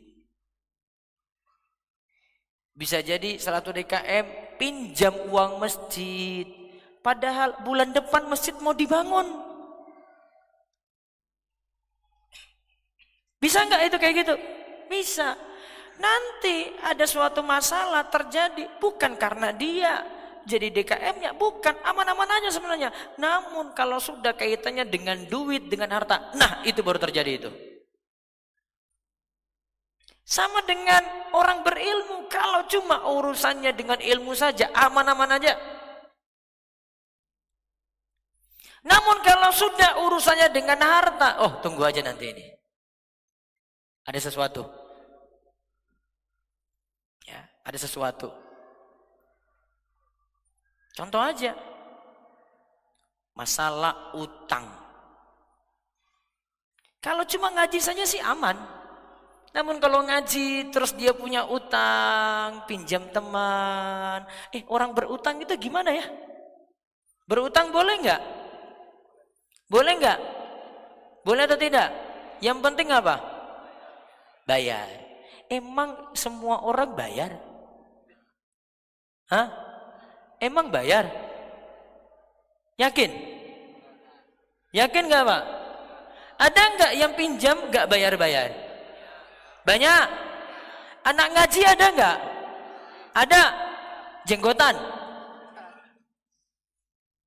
Maaf saya singgung fisik ya maaf. Eh masalah utang itu itu nggak pandang orang ngaji atau tidak. Orang ngaji malah justru lebih pintar lagi. Cuma dengan kalimat singkat. Afwan. Tambah lagi. Afwan akhi. Duitnya belum ada. Padahal kemarin baru beli ipon. Gak bilang-bilang dia. Utang gak bayar-bayar. Ngaji loh. Ngaji. Penampilannya, Masya Allah Ustadz. Ustadz aja kalah. Jenggotnya dengan Ustadz, jenggotnya dia lebih banyak. Saya kadang jenggotnya cuma segini, kalau saya bawa teman saya tuh jenggotnya lebih lebat. Orang-orang kira yang mau ngisi tuh dia gitu. Tuh, kamu dipelototin tuh. Kayaknya mereka nggak nganggap saya nih. Kamu dilihat sama jamaah itu. Ya Ustaz mereka lihat saya semuanya nih. Ini ternyata saya yang maju gitu. Ya jenggotnya cuma segitu. Masalah utang itu nggak pakai penampilan pak. Kalau dia urusan ngaji saja nggak urusan dengan utang aman-aman aja tuh. Namun coba kalau pakai utang coba. Nomornya sudah diblokir. Bukan hanya WA nggak dibaca, sadis banget, blokir. Datang ke pengajian, tidak ada salam, tidak ada kalam, cuek saja. Padahal dia duduk dekat saya tuh sana tuh. Wih itu utang yang nggak bayar-bayar itu. Hadir kajian enggak? Wah hadir Ustaz. Absen enggak? Masya Allah enggak Ustaz. Utang sudah bayar belum? Enggak. Sama juga emak-emak juga kayak gitu juga. Kalau urusan utang ya kayak gitu. Maka maksiat orang itu kalau sudah kaitannya dengan harta. Kalau cuma dengan ilmu saja aman-aman. Ilmu bawa pada kebaikannya. Kalau urusan harta, uh, bawa maksiat tuh. Berarti ada tambahan, ada masalah di situ. Jelas ini? Taib. Poin 18. Kata Imam Al-Qayyim lagi. Annal alima yad'un nasa ila Allahi bi ilmihi wa halihi wa jami'ul mali yad'uhum ila dunya bi halihi wa malihi. Baca. Sesungguhnya alim itu mengajak manusia kepada Allah dengan ilmu dan keadaannya Sedangkan orang yang mengumpulkan harta mengantarkan manusia pada dunia dengan penampilan dan hartanya. Taib, lihat ini kalimat luar biasa dari Imam Ibn Al-Qayyim. Dalam banget kalimatnya. Kalimatnya singkat saja. Ilmu itu ngajak manusia kepada Allah. Orang alim itu, orang berilmu itu, dia mengajak manusia kepada Allah dengan ilmunya dan dengan halnya. Halnya itu sikapnya. Orang itu bisa jadi baik kalau kita itu ngajak dengan ilmu, kalau tidak yang kedua dengan sikap. Kesimpulannya Bapak Ibu Ibu tolong perhatikan. Dakwah itu harus dengan ilmu atau cara yang kedua dengan sikap.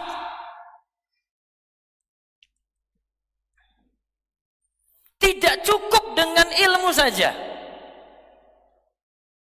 Butuh juga dengan apa? Sikap. Sikap itu apa sih sikap? Karakter, adab, tingkah laku. Ustadz emangnya ilmu nggak cukup? Kadang orang itu nggak nilai kita dari ilmu. Orang nilai kita dari sikap kita. Karena itulah yang tampak dari interaksi. Kan tadi sudah kita jelaskan, ilmu itu sifatnya di dalam. Kalau tidak ditampakkan, nggak bisa orang tahu. Yang orang tahu itu apa? Sikap, karakter, adab. Ini dengan orang nggak pernah senyum. Cemberut terus. Oh, kenapa kamu cemberut terus? Oh, alu bid'ah ini tadi. Ya sudah. Kalau kayak gitu, dia juga kayak gitu, dia balas. Ini ada orang yang awam datang ketemu, salam aja enggak, ngomong aja enggak mau. Kenapa kamu? Wah itu Ustaz pakaiannya kayak gitu Ustaz. Sikap. Coba nanti Antum nanti pikirkan ya. Orang tua itu kadang nggak mau diceramai oleh anak. Betul nggak? Pulang-pulang nih dari Bandung nih, dia pulang ke daerahnya. Terus minta orang tuanya, Bapak Ibu, nanti saya mau ngomong sebentar ya. Ini banyak ilmu yang saya dapat nih. Kultum tujuh menit saja. Orang tua percaya? Hah? Orang tua percaya? Orang tuh dalam batinnya tuh, ini bocah baru aja pergi ke Bandung. Pulang-pulang sudah jadi penceramah. Sudah jadi ustad. Kadang orang tua cuma butuh sikap aja. Oh Masya Allah anak saya ini panggilan azan Allahu Akbar, Allahu Akbar. Sudah siap-siap dia wudhu pergi ke masjid. Sudah dakwah apa belum? Apa dakwahnya? Ih bapaknya belum pernah ke masjid. Lihat anaknya berubah ke masjid. Anaknya nggak usah banyak ngomong. Pak, Bu, saya pergi dulu ya. Assalamualaikum. Mau ke masjid. Ngajak nggak tadi? Gak. Pergi. Masa besoknya lagi nggak ditanya sih? Besoknya lagi nggak ditanya. Terus keadaannya nggak diperhatikan sih? Pasti diperhatiin. Pelan-pelan bapaknya itu mulai itu. Insya Allah anak saya kuliah di Bandung. Dulu tempat mainnya itu di mainan PS. Sekarang masjid. Senang nggak orang tua? Senang. Diceramai nggak? Enggak, enggak pakai ceramah. Sikap. Sama nih dengan ibu-ibu juga nih. Ibu kalau ngaji, saran saya nggak usah banyak ceramai suami-suami ini nih. Yang jenggotan-jenggotan ini nih. Rata-rata suami itu, nanti terserah jadi kan setuju apa enggak ya. Suami itu enggak mau diceramahi istri. Betul? Jujur? Betul ya? Tuh. Iya itu. Kenapa enggak mau diceramahi istri? Eh, beban harga diri, bro. Punya harga diri. Istri saya pulang jadi ustazah. Ngaji pekanan ceramai saya. Hmm, laki-laki. Hmm, Makanya kalau ibu-ibu saya bilang sama ibu-ibu itu, Bu, gampang Bu. Ubah sikap saja. Gak usah banyak ceramah. Saya sampai kalimatnya saya bilang, jangan jadi ustazah untuk suami. Setuju nggak bapak-bapak? Setuju? Alhamdulillah, mudah-mudahan ibu-ibu dapat hidayah.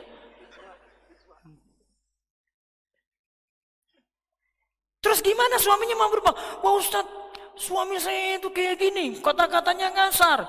Wah dia itu cuek dengan saya, wah sholat aja masih bolong-bolong. Berubah pelan-pelan dari dirimu bu, sikap diubah. Sekarang jadi istri yang manut, suaranya direndahkan. Di depan suami suaranya pelan, Jangan tinggi-tinggi terus. Punya manut aja, ubah sikap. Pelan-pelan, si suami tadi yang sulit ngaji, insya Allah ngikut. Bisa jadi di antara bapak yang hadir ini, itu karena istrinya. Istrinya yang ngaji dulu, baru bapak-bapak nih. Kayaknya mungkin banyak kayak gitu deh. Sikap. Kadang cuma dengan penampilan. Penampilan gak usah seram-seram. Tuh lihat nih, samping saya ini, sorjan. Ini wong Jawa tulen ini. Saya kadang pakai pakaian biasa aja, Pak. Bu. Saya pakai pakai gini batik ini. Ada seorang jamaah yang temuin saya habis kajian. Suatu daerah di Jawa Tengah sana. Sudah habis ngisi, terus dia tanya saya. Pak Ustadz, maaf Pak Ustadz, saya mau nanya Pak Ustadz. Wong Jawa kan agak-agak halus kalau ngomong. Maaf saya mau nanya Ustadz. Kenapa? Kok Pak Ustadz tuh beda dengan yang lainnya yang yang lainnya tuh harus gamisan loh. Terus kenapa? Wah Pak Ustadz kok batian, pecis hitam, sarungan. Itu kalau di Jawa dia sebut nih, wah Pak Ustadz tuh kayak wong kejawen. Hah? Kejawen? Uh, saya mau marahin dia nih, agak emosi. Enak aja. Terus saya balik lagi. Nah sekarang, kamu ngomong dengan saya gimana Pak? Jadi kan ngomong dengan saya gimana? Enak tak? Oh Pak Ustaz. Wah enak. Kenapa? Tuh, saya pakai pakaian ini biar kamu ngomong dengan saya enak. Jadi sama kita gitu loh. Bukan berarti saya nggak pakai gamis. Wah itu keadaan yang lain. Namun supaya dekat dengan kamu. Oh, mau turun Pak Ustadz, saya mohon maaf, saya mohon maaf. Padahal ngomong saya kejawen tadi itu coba lihat. Kadang dengan penampilan, ya tidak perlu sampai terlalu seram-seram. Saya beritahu ini anak Universitas Islam Madinah curhat ke saya. Saya kebetulan ketemu mereka, mereka ini anak-anak dari Ambon sana. Sudah cerita, Ustadz, Baik. Nama. Saya pernah di tempat saya itu kampungnya tuh di Ambon sana tapi pelosok di pulau tertentu. Pelosok pokoknya. Saya berpakaian gamis Ustaz. Jenggotnya itu segini nih. Jenggotnya tuh brewok. Saya ngantar bapak saya. Kebetulan bapaknya anggota DPR. Ketemu Pak Bupati. Dia datang pakai gamisan, jenggot tadi. Terus bapaknya sudah masuk, dia duduk kayak di pos kambling gitu dia cerita. Terus, Ustadz saya baru buka tas Ustadz. Ini pas ada anak-anak lagi nongkrong-nongkrong di sini. Mereka pas saya buka tas, dikira lagi buka bom. Mereka kabur semuanya. Terus saya juga kaget, saya kabur juga gitu. Terus Pak polisi datang. Kenapa polisi datang? Pak polisi tanya ke saya, kamu kenapa mas? Saya cuma buka tas. Mereka kabur, saya juga ikut kabur. Saya cuma bilang, saya cuma curiga satu. Apa? Pakaianmu. Oh, kenapa? Coba besok kamu ganti. Pakaian gamismu kamu ubah. Soalnya mas, kamu di kalangan minoritas. Problemnya di situ saja. Oh gitu Ustaz. Karena dia jenggotan loh. Orang itu kaget dengan penampilannya. Bawa tas. Biasa aja bawa tas. Ini kayak gini nih tasnya ini. Mau pergi ngaji. Gitu loh. Pas buka kabur semuanya. Sederhana sekali problemnya. Cuma masalah penampilan. Jelas? Saya nggak suruh ubah kayak saya loh, enggak loh. Tapi berpakaianlah seperti keadaan masyarakat sekitar. Insya Allah masyarakat mudah nerima. Itu contoh kasus saja. Karena apa ada standar untuk berpakaian? Ada. Apa ada standar untuk berpakaian mau disebut alusunnah? Ada. Ada. Di buku mana? Kalau ada, please kasih tahu saya. Hah? Syekh siapa yang pernah bilang? Hmm, pakaiannya harus gamisan. Jubah besar gitu. Ada. Ustadz nggak boleh pakai pecis-pecis nasional hitam-hitam kayak gitu. Pakai pecis yang bundar dong. Ada? Hmm? Ada? Enggak. Enggak diberi aturan. Maka jangan terlalu membuat pakaian itu jadi identitas kamu. Enggak. Karena itu bukan standar. Kecuali wanita ya. Wanita beda lagi ya. Karena punya syarat-syarat lebih ketat di sini. Maka dakwahi manusia dengan dua cara. Pertama dengan apa? Ilmu. Yang kedua dengan apa? Sikap. Maka Ibnu Qayyim tadi katakan katakan ya, yad'un nas ilallahi bi ilmihi wa halihi. Dakwahi manusia itu dengan ilmu dan dengan apa? Sikap. Kadang orang nilai apa tadi? Sikap lebih dominan. Maka kalau ada orang baru, rangkul dia, sapa, jangan cuek. Sebagaimana antum juga dulu kalau baru awal ngaji, orang lain sapa, akhirnya kamu tertarik ngaji. Jadi jangan cuek sama orang. Jangan terlalu eksklusif. Ilmu itu perlu nyampe pada siapa saja gitu loh. Sekarang dengan harta. Harta itu jami'ul mal. Orang yang mengumpulkan harta. Dia ngajak orang ila dunia. Pada dunia. Dengan apa? Bihalihi. Dengan penampilannya. Wa malihi. Dengan hartanya. Kadang dengan penampilan, ah dia sudah tahu, oh ini kaya, ini kaya, ini. ini dia sudah termasuk ngajak orang. Kadang dikasih harta. Sudah? Itu nomor 18. Terus nomor 19. 19. Orang yang kaya harta sering kali ia menyebabkan pemiliknya celaka. Sebab harta memang sangat disukai jiwa sehingga ketika jiwa seseorang melihat orang lain menguasai apa yang dicintai itu, ia pun akan berusaha membinasakan orang tadi, seperti yang nyata-nyata terjadi.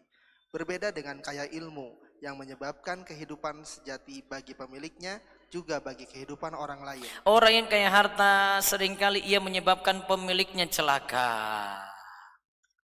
Sebab harta memang sangat disukai jiwa sehingga ketika jiwa seorang melihat orang lain menguasai apa yang dicintai itu, ia pun akan berusaha membinasakan orang tadi. Berarti efek harta membuat orang lain ingin membinasakan kita juga.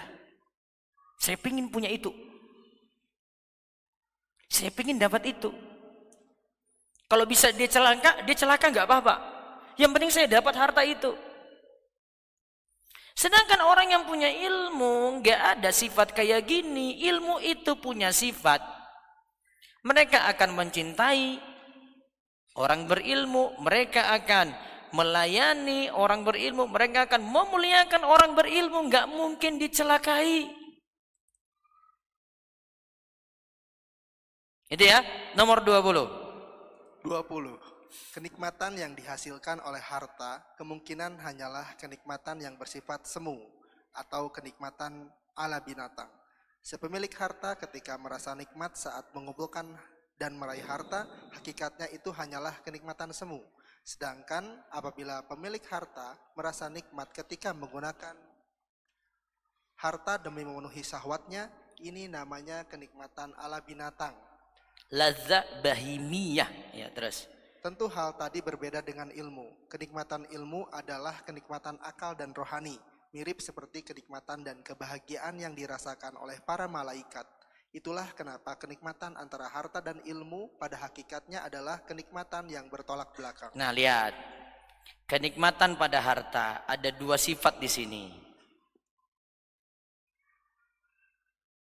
Yang pertama, kenikmatan yang sifatnya lazza wahimiyah.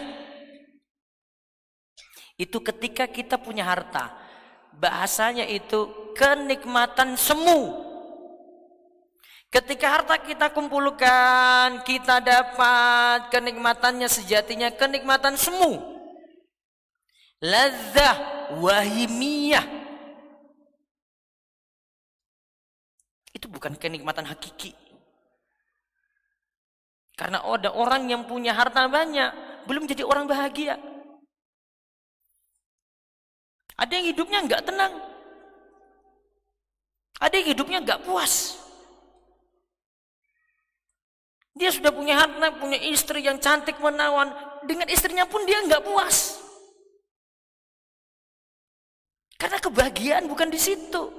Makanya Ibnu Qayyim sebut apa? Ladza wahimiyah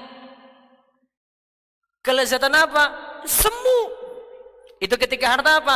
Dimiliki.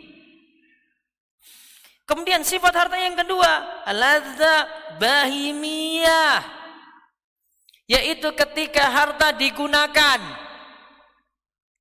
Ketika harta digunakan. Apa itu ladza bahimiyah? Layaknya kelezatan yang didapatkan hewan ternak. Hewan ternak itu mikir apa aja? Oh nggak bisa mikir dia ya. Punya makan, tidur. Makan, tidur. Mikir ibadah? Enggak. Dia punya ibadah khusus memang kita nggak tahu. Tapi dia nggak lakukan ibadah kayak kita kan. Dia cuma mikir, perut terisi, sudah. Perut terisi lagi, sudah. Gitu kan? Cukup. Maka ketika orang habiskan harta, itu cuma kelezatan layaknya yang didapati hewan ternak. Sedangkan kelezatan ilmu apa tadi Ibnu Qayyim bilang? kelezatan akal dan rohani.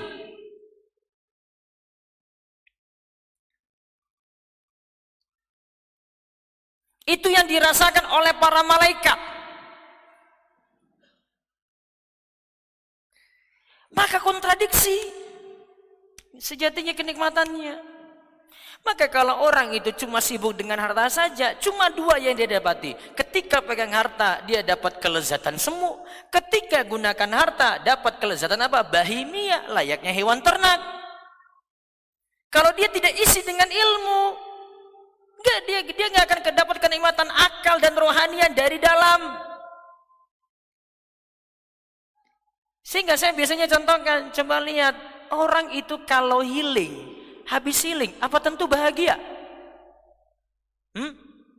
Bahagia. Kadang habis siling mikir, duitnya habis. Mikirnya, capeknya saja. Padahal tadi dia healing, dia pergi jalan-jalan untuk apa? Wah, saya mau tenangkan pikiran saya. Tenang nggak? Setelah itu belum tentu. Beda orang ngaji di sini. Ini sudah hampir dua jam.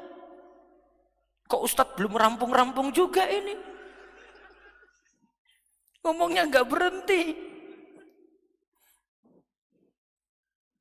Ngomong loh, jenengan tadi tuh cuma dengar saya ngomong aja loh. Ada sesuatu yang lain? Ada? Dapat sesuatu nggak? Dapat nggak? Dapat. Ada yang diisi nggak dari tadi? Ada. Itulah kenapa healing malah belum tentu menyelesaikan masalah. Malah kadang nambah masalah. Berarti nggak usah healing ya. Ya, ya butuh juga sewaktu-waktu. Tapi kalau itu jadi tujuan saja, tidak diisi ilmu, hampa. Gak dapat apa-apa. Baik, satu yang terakhir, 21. 21. Biar ganjil. Orang-orang yang berakal dari seluruh umat sepakat membenci sikap tamak dalam menumpuk harta. Mereka semua mencela dan mencemooh sifat buruk ini.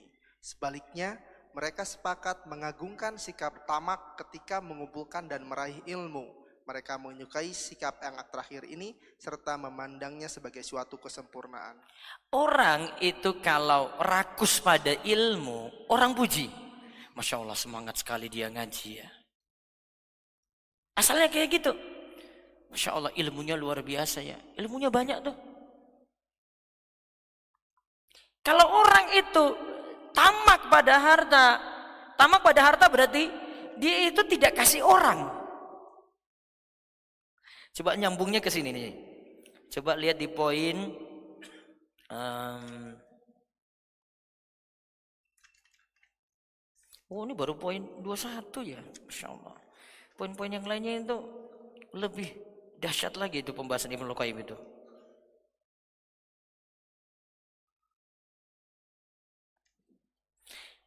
Ibnu Qayyim itu nanti sebutkan itu di poin 30-an ini. Harta itu sifatnya kan kita punya terus kita bagi. Ya kan harta kan? Kita punya terus kita bagi. Di poin 32. Coba baca poin 32. Nyambung itu nanti. 32. Orang kaya, orang kaya harta mengharuskan dirinya berbuat baik kepada orang lain hingga ia dihadapkan pada dua kemungkinan, yaitu satu, menutup pintu kebaikan itu atau membukanya. Nah, coba lihat. Orang yang punya harta, dia itu cuma punya dua kemungkinan. Menutup pintu kebaikan, artinya dia tidak kasih harta ini ke orang lain. Atau yang kedua, dia membuka pintu kebaikan. Betul nggak? Kalau dia menutup pintu kebaikan tidak dikasih ke orang lain, disebut apa? Disebut apa? Kikir, pelit tadi kan? Taib. Kalau dia bagi-bagi ke orang lain, disebut apa? Dermawan. Sekarang pertanyaannya, apakah ketika dia bagi ke orang-orang, semuanya dapat? Semuanya dapat nggak? Belum tentu. Ada yang dikasih, ada yang enggak. Ketika dikasih, hmm, orang puji itu, masya Allah bapak itu tadi baik sekali, masya Allah saya dapat nih. Ada yang nggak dapat, bilang apa? Oh bapak itu pelit banget, pilih kasih dia, dia pilih yang situ, yang sini nggak dikasih. Sifat harta. Padahal kita ingin buat baik, namun tidak semua orang kita kasih baik. Beda dengan ilmu. Ilmu ketika dikasih, apa yang terjadi? Semua dapat nggak? Dapat? Dapat nggak? Dapat. Di sini ngasih dapat, ini dapat, ini dapat. Kecuali di sana ngantuk, sana ngantuk, ngantuk, ngantuk. Ah, nggak dapat tuh. Namun kalau ini dengar, ini dengar, ini dengar, ini dengar, dapat semuanya kan? Nggak pilih-pilih kasih tuh.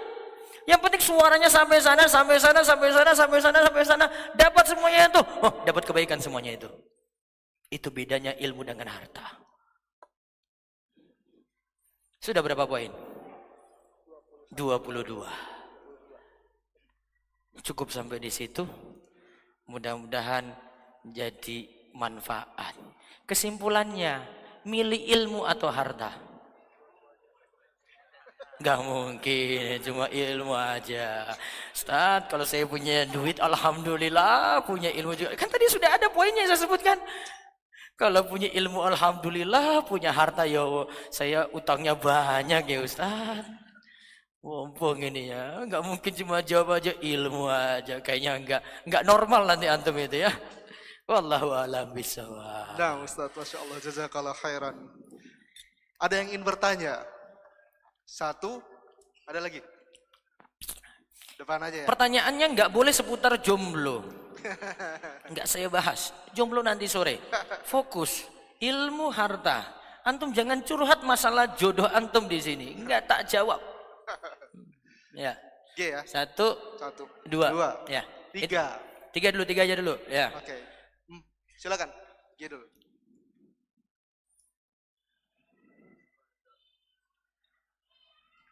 Kasih hadiah langsung ya. Sik. Ya. Syukran. Uh, Assalamualaikum warahmatullahi wabarakatuh. Waalaikumsalam warahmatullahi wabarakatuh. Semoga Ustadz, keluarga dan kaum muslimin selalu dalam lindungan Allah Subhanahu wa taala. Izin Amin. bertanya, Ustadz, kalau harta itu kan kita tidak pernah puas mendapatkannya ya. Iya. Apakah ilmu ada puncaknya atau kita puas dalam mendapatkan ilmu tersebut? Apa puncak itu seperti apa, Ustadz? Puncak ilmu atau puncak harta? Kan kalau harta itu tidak pernah puas. Iya. Kalau ilmu apakah ada puncaknya seperti Gak harta? Nah, itu Tadi kayak kata Syekh Bakar Abu Zaid, awalnya sombong, langkah kedua tawadu, langkah yang ketiga dia rasa seperti kurang terus, seperti nggak dapat apa-apa, dia butuh belajar lagi. Berarti ilmu nggak ada pernah rasa puas, terus ingin belajar. Kesamaan berarti ada kedua kesamaan, tetapi Hah? ada dua kesamaan, tapi yang satu semu mungkin ya, Pak? Iya. Siap. Yang satu kejar kepuasan batin, yang satu kejar kepuasan lahiriah. Tapi kalau cuma kepuasan lahiriah saja, batinnya kosong, jadi kenikmatan semu tadi. Iya kan? Syukran jazakumullah khairan. Ya, kau. Berikutnya. Ya, berikutnya. Baik, eh, bismillah. Assalamualaikum ya Ustaz atas penjelasannya. Terkait ini Ustaz, uh, kan sebenarnya ilmu itu tadi ya, ibarat ruh gitu. Ilmu itu ibarat ruh tadi di dalam gitu. Iya, uh, ilmu ruh terlihat, di dalam. Iya, tidak terlihat kecuali kalau misalkan kita memperlihatkan sikap kita. Namun kadang eh, ada orang-orang yang beranggapan atau hanya melihat gitu dari segi penampilan saja bahwa oh ini orang berilmu gitu dan lain-lain. Iya, biasanya orang berilmu itu akan menampakkan dalam sikap sampai pada penampilannya. Nah, bagaimana kita eh, misalkan ketika ada seseorang yang memuji seseorang yang lain, misalkan eh, menganggap orang tersebut berilmu, nah bagaimana sikap orang yang dipuji tersebut gitu, Ustaz? Sikap ketika eh, seseorang dipuji, wah kamu berilmu dan lain-lain gitu. Bagaimana sikapnya gitu? Ah, dia dipuji berarti. Iya, nah. Dia dipuji. Dia harus mengkonter itu dengan balas memiliki sifat tawadu. Dia katakan, saya nggak seberapa, saya maaf, saya nggak suka pujian kayak gitu, saya nggak ada apa-apanya gitu. Dia lawan. Ketika ditinggikan, dia rendahkan. Jangan ketika ditinggikan tambah tinggi lagi gitu. Jangan sudah dipuji, kamu berilmu luar biasa tuh. Oh memang dari sononya saya kayak begini. Naik, yang tinggi turunkan. Hmm. Jatuhkan itu. Karena kalau dipaksa tinggi terus sombong nanti dia. Ya. khairan. Allah ibarik. Berikutnya. Hadiah, kasih. Itu ada Ustaz. Ada. Monggo Pak. Ini loh.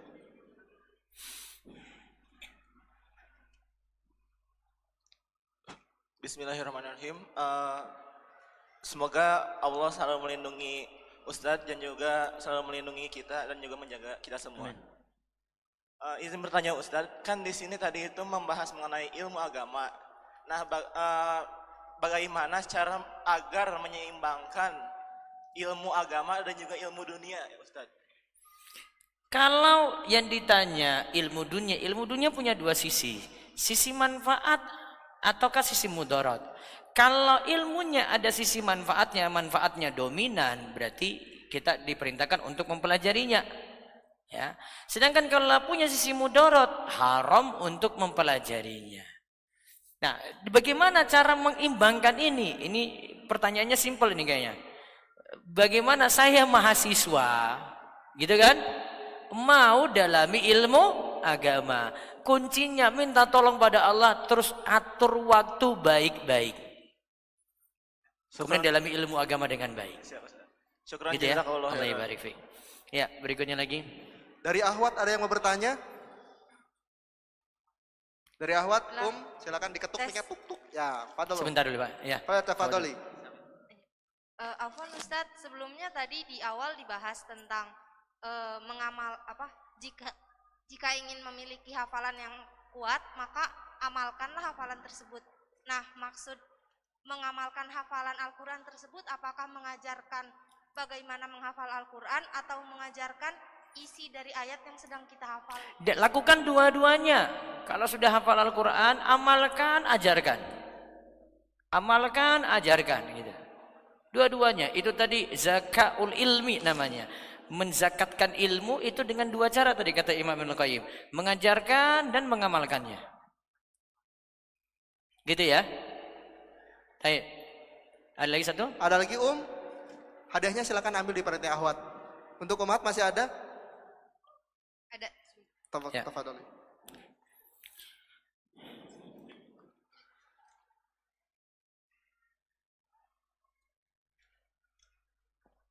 Assalamualaikum warahmatullahi wabarakatuh. Ya, Waalaikumsalam warahmatullahi wabarakatuh. Izin bertanya, salah apa tidak apabila kita menilai seseorang buruk itu dari ahlaknya?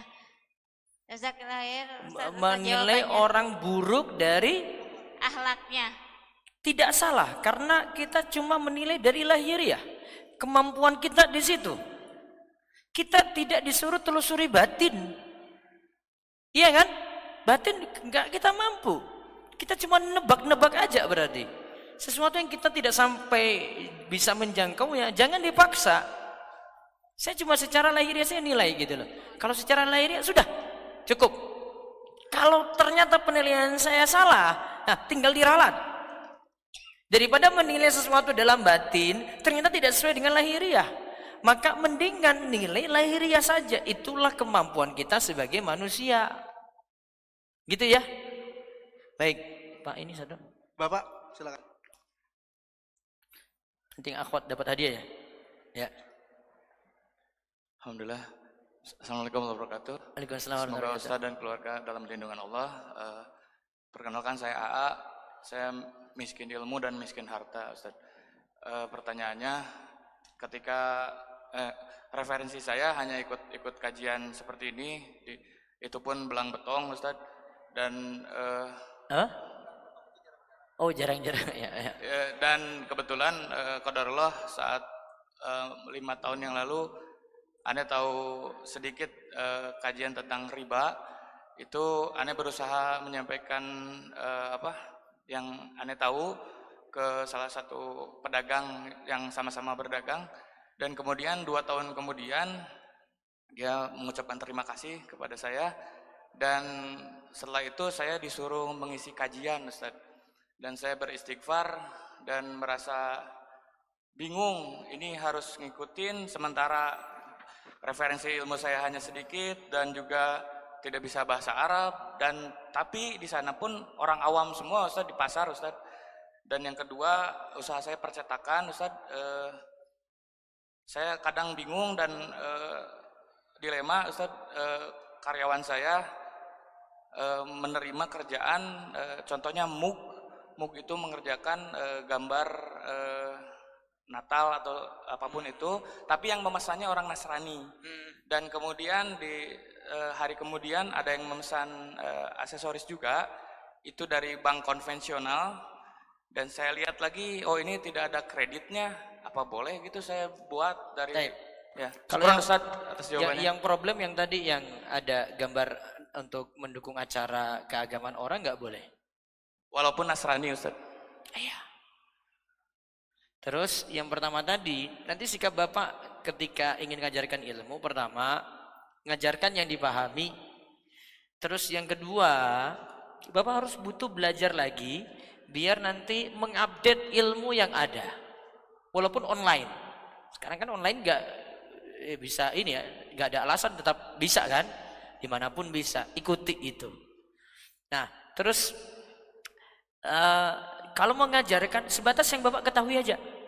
Boleh. Karena tidak semua ustadz itu mesti masuk ke kalangan Bapak.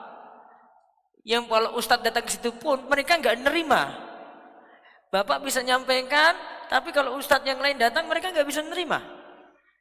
Mumpung Bapak punya peluang untuk itu, ya, maka bekali diri dengan ilmu. Ngajarkan sebatas ilmu itu. Sebatas yang Bapak ilmui saja. Oh, seputar ini. Kalau Bapak bingung, tanya.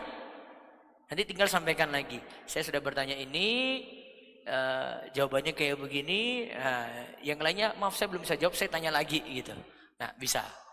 Untuk semakin menyebarkan dakwah kayak gitu. Karena nggak semua orang mesti turun ke yang kalangan bawah gitu, enggak. Ada orang yang punya ilmu biasa, dia ngajar yang di bawah. Kan nggak mungkin ustadz mesti ngajar TPA gitu, kan enggak. Iya kan? Ustadz harus anak-anak ngajar anak-anak ngaji. Oh enggak perlu. Ada yang lain bisa. Ah cukup ini nih. Yang lainnya ngurus yang lain lagi. Itu maksud saya. Gitu ya. Bank BR eh bank konvensional Ustaz. Hah? Kalau menolak lebih baik. Ya. Apalagi kalau sudah kaitannya langsung dengan produknya gitu ya. Kalau secara umum sih tidak kena, tapi ada yang didukung. Ada yang didukung. Maka kalau menolak lebih baik. Ya. Nah, Ustaz, Ustaz izin membacakan pertanyaan yang dicatat. Assalamualaikum warahmatullahi wabarakatuh, Ustaz. Waalaikumsalam warahmatullahi wabarakatuh. Semoga Ustadz dan keluarga tim Rumah Iso dan tim Jejak Sahabat semuanya dalam keadaan sehat dan selalu dalam lindungan Allah. Amin. Ana izin memotong pertanyaan Ustadz karena ini seperti koran panjang. Ya. Ana coba baca pentingnya saja. Ini tentang financial planner. Tujuan dari financial planning itu adalah biar keuangan rumah tangga tertata dengan baik. Ya. Tetapi di satu, di satu sisi jadi ada muncul bibit-bibit rasa khawatir akan rezeki Allah. Mohon solusi dan nasihatnya Nah, Ustadz. financial planner itu asalnya boleh-boleh saja. Jadi dia ngatur keuangan, dia manage nanti pemasukan gimana. Dia buat planning dulu sebenarnya. Dia bagi ini. Eh, nanti untuk sekian, ini budgetnya sekian untuk keperluan keluarga, untuk eh, pendidikan anak, nanti untuk kebutuhan sehari-hari. Dia buat dia buat budget untuk itu masing-masing. Jadi dia bagi berapa berapa persen berapa persen gitu. Tapi ada sesuatu yang uh, perlu diingatkan di sini. Planning silahkan. Tapi jangan jadi terlalu pelit. Kadang kan dia berpatokan pada budget nih. Oh, saya ini cuma budgetnya sekian. Padahal barangkali ada keluarganya butuh bantuan dia. Yang dari budget ini bisa diambil, bisa dikurangi. Maka jangan terlalu uh, jangan terlalu fokus ke pembagian itu. Jangan terlalu ketat. Kadang dilonggarin. Oh ini nggak apa-apa, saya ambil dari sini dulu, saya keluarkan. Ya. Ini saya ambil dari ini, saya keluarkan gitu loh. Dan harus diperhatikan lagi selain itu, ada kewajiban yang harus dimasukkan juga. Kewajiban zakat bagaimana? Dua setengah persen sudah dihitung apa belum? Nafkah pada keluarga sudah cukup belum? Nanti kalau ada orang yang butuh bantuan e, dikasih apa enggak gitu. Jadi pembagian-pembagian yang wajib mesti diprioritaskan dulu, baru nanti dia e, perhitungkan lagi untuk e, pembiayaan dia dan keluarganya gitu. Nah, itu yang harus diperhatikan. Tapi zakat tadi ya, ingat zakat itu dihitung dari simpanan. Saya punya buku nanti mudah-mudahan segera jadi ini manajemen keuangan keluarga. Saya ingin bahas yang tadi financial planner itu. Karena memang yang milenial-milenial ini kadang terlalu pusing dengan itu dan pembagiannya biasanya mereka itu pakai aplikasi-aplikasi. Ada saya download itu ada yang saya pelajari aplikasi kayak Pina dan lainnya itu. Ah, bisa saja pakai itu, tapi ingat ada kewajiban-kewajiban dan jangan terlalu ketat untuk pembagian tadi. Dilonggarin ketika ada kebutuhan lain ya dipakai untuk itu. Misal keluarga butuh, ada ada yang mau berobat, ada ibu yang bangun dibantu, ada orang tua yang ingin dibantu, dibantu. Jangan terlalu ketat dengan pembagian kita. Wallahu a'lam. Nah Ustaz Jazakallah khairan. Satu pertanyaan terakhir dari Ahwat. Ada yang mau bertanya? Um, ada yang mau bertanya? Bismillahirrahmanirrahim. Eh, semoga Allah merahmati, eh, semoga Ustadz merahmati Allah dan para hadirin yang di sini. Uh, Afwan Ustadz izin bertanya, bagaimana dengan misalnya Ana seorang guru bahasa Inggris, yeah. apakah itu termasuk ilmu yang bermanfaat dan akan memberikan pahala gitu yang seperti Ustadz sampaikan tadi? Yeah dan kemudian bagaimana orang yang udah tahu ilmunya tapi tidak diterapkan misalnya dia sudah tahu e, ilmu tentang berhalwat dengan wanita tapi dia sendiri melakukan itu seperti apa Ustaz? Syukran. Ya, kalau dia tidak amalkan ilmu itu berarti kekeluarannya di situ. Dia sisi ilmu ada, tapi dari sisi pengamalan kurang. Kalau sampai melanggar berarti dia akan di Eh, kritik dengan ilmunya sendiri. Orang baca Al-Quran, dia baca sampai pada ayat-ayat yang mencela dia lagi berdusta. Lagi mencela orang yang berdusta. Padahal dia itu baru bohong saja. Kalau orang itu tidak pahami maknanya, dia nggak tahu kalau dia lagi dicela di sini. Maka butuh memahami, setelah itu diamalkan. Dan pemahaman ini jangan sampai berbeda dengan pengamalan. Nah, itu yang diperhatikan ya. Jadi bisa saja orang seperti itu. Jadi dari sisi ilmu iya, tapi pengamalan kurang. Berarti pengamalannya yang nanti dikritik dan dia dikenai hukuman untuk hal itu. Terus tadi yang pertama apa ya? Nah, guru bahasa Inggris tadi, selama ilmu itu bermanfaat bu, pelajari saja dan ajarkan orang untuk itu. Dan ilmu dunia itu tetap orang butuh. Jangan sampai beranggapan saya harus kuasai agama, ilmu dunia ditinggalkan. Jangan. Ini misalnya hadir anak-anak kuliah juga ini ya. Jangan cuma, ah saya berarti gak usah belajar ilmu dunia lagi. Tetap perlu.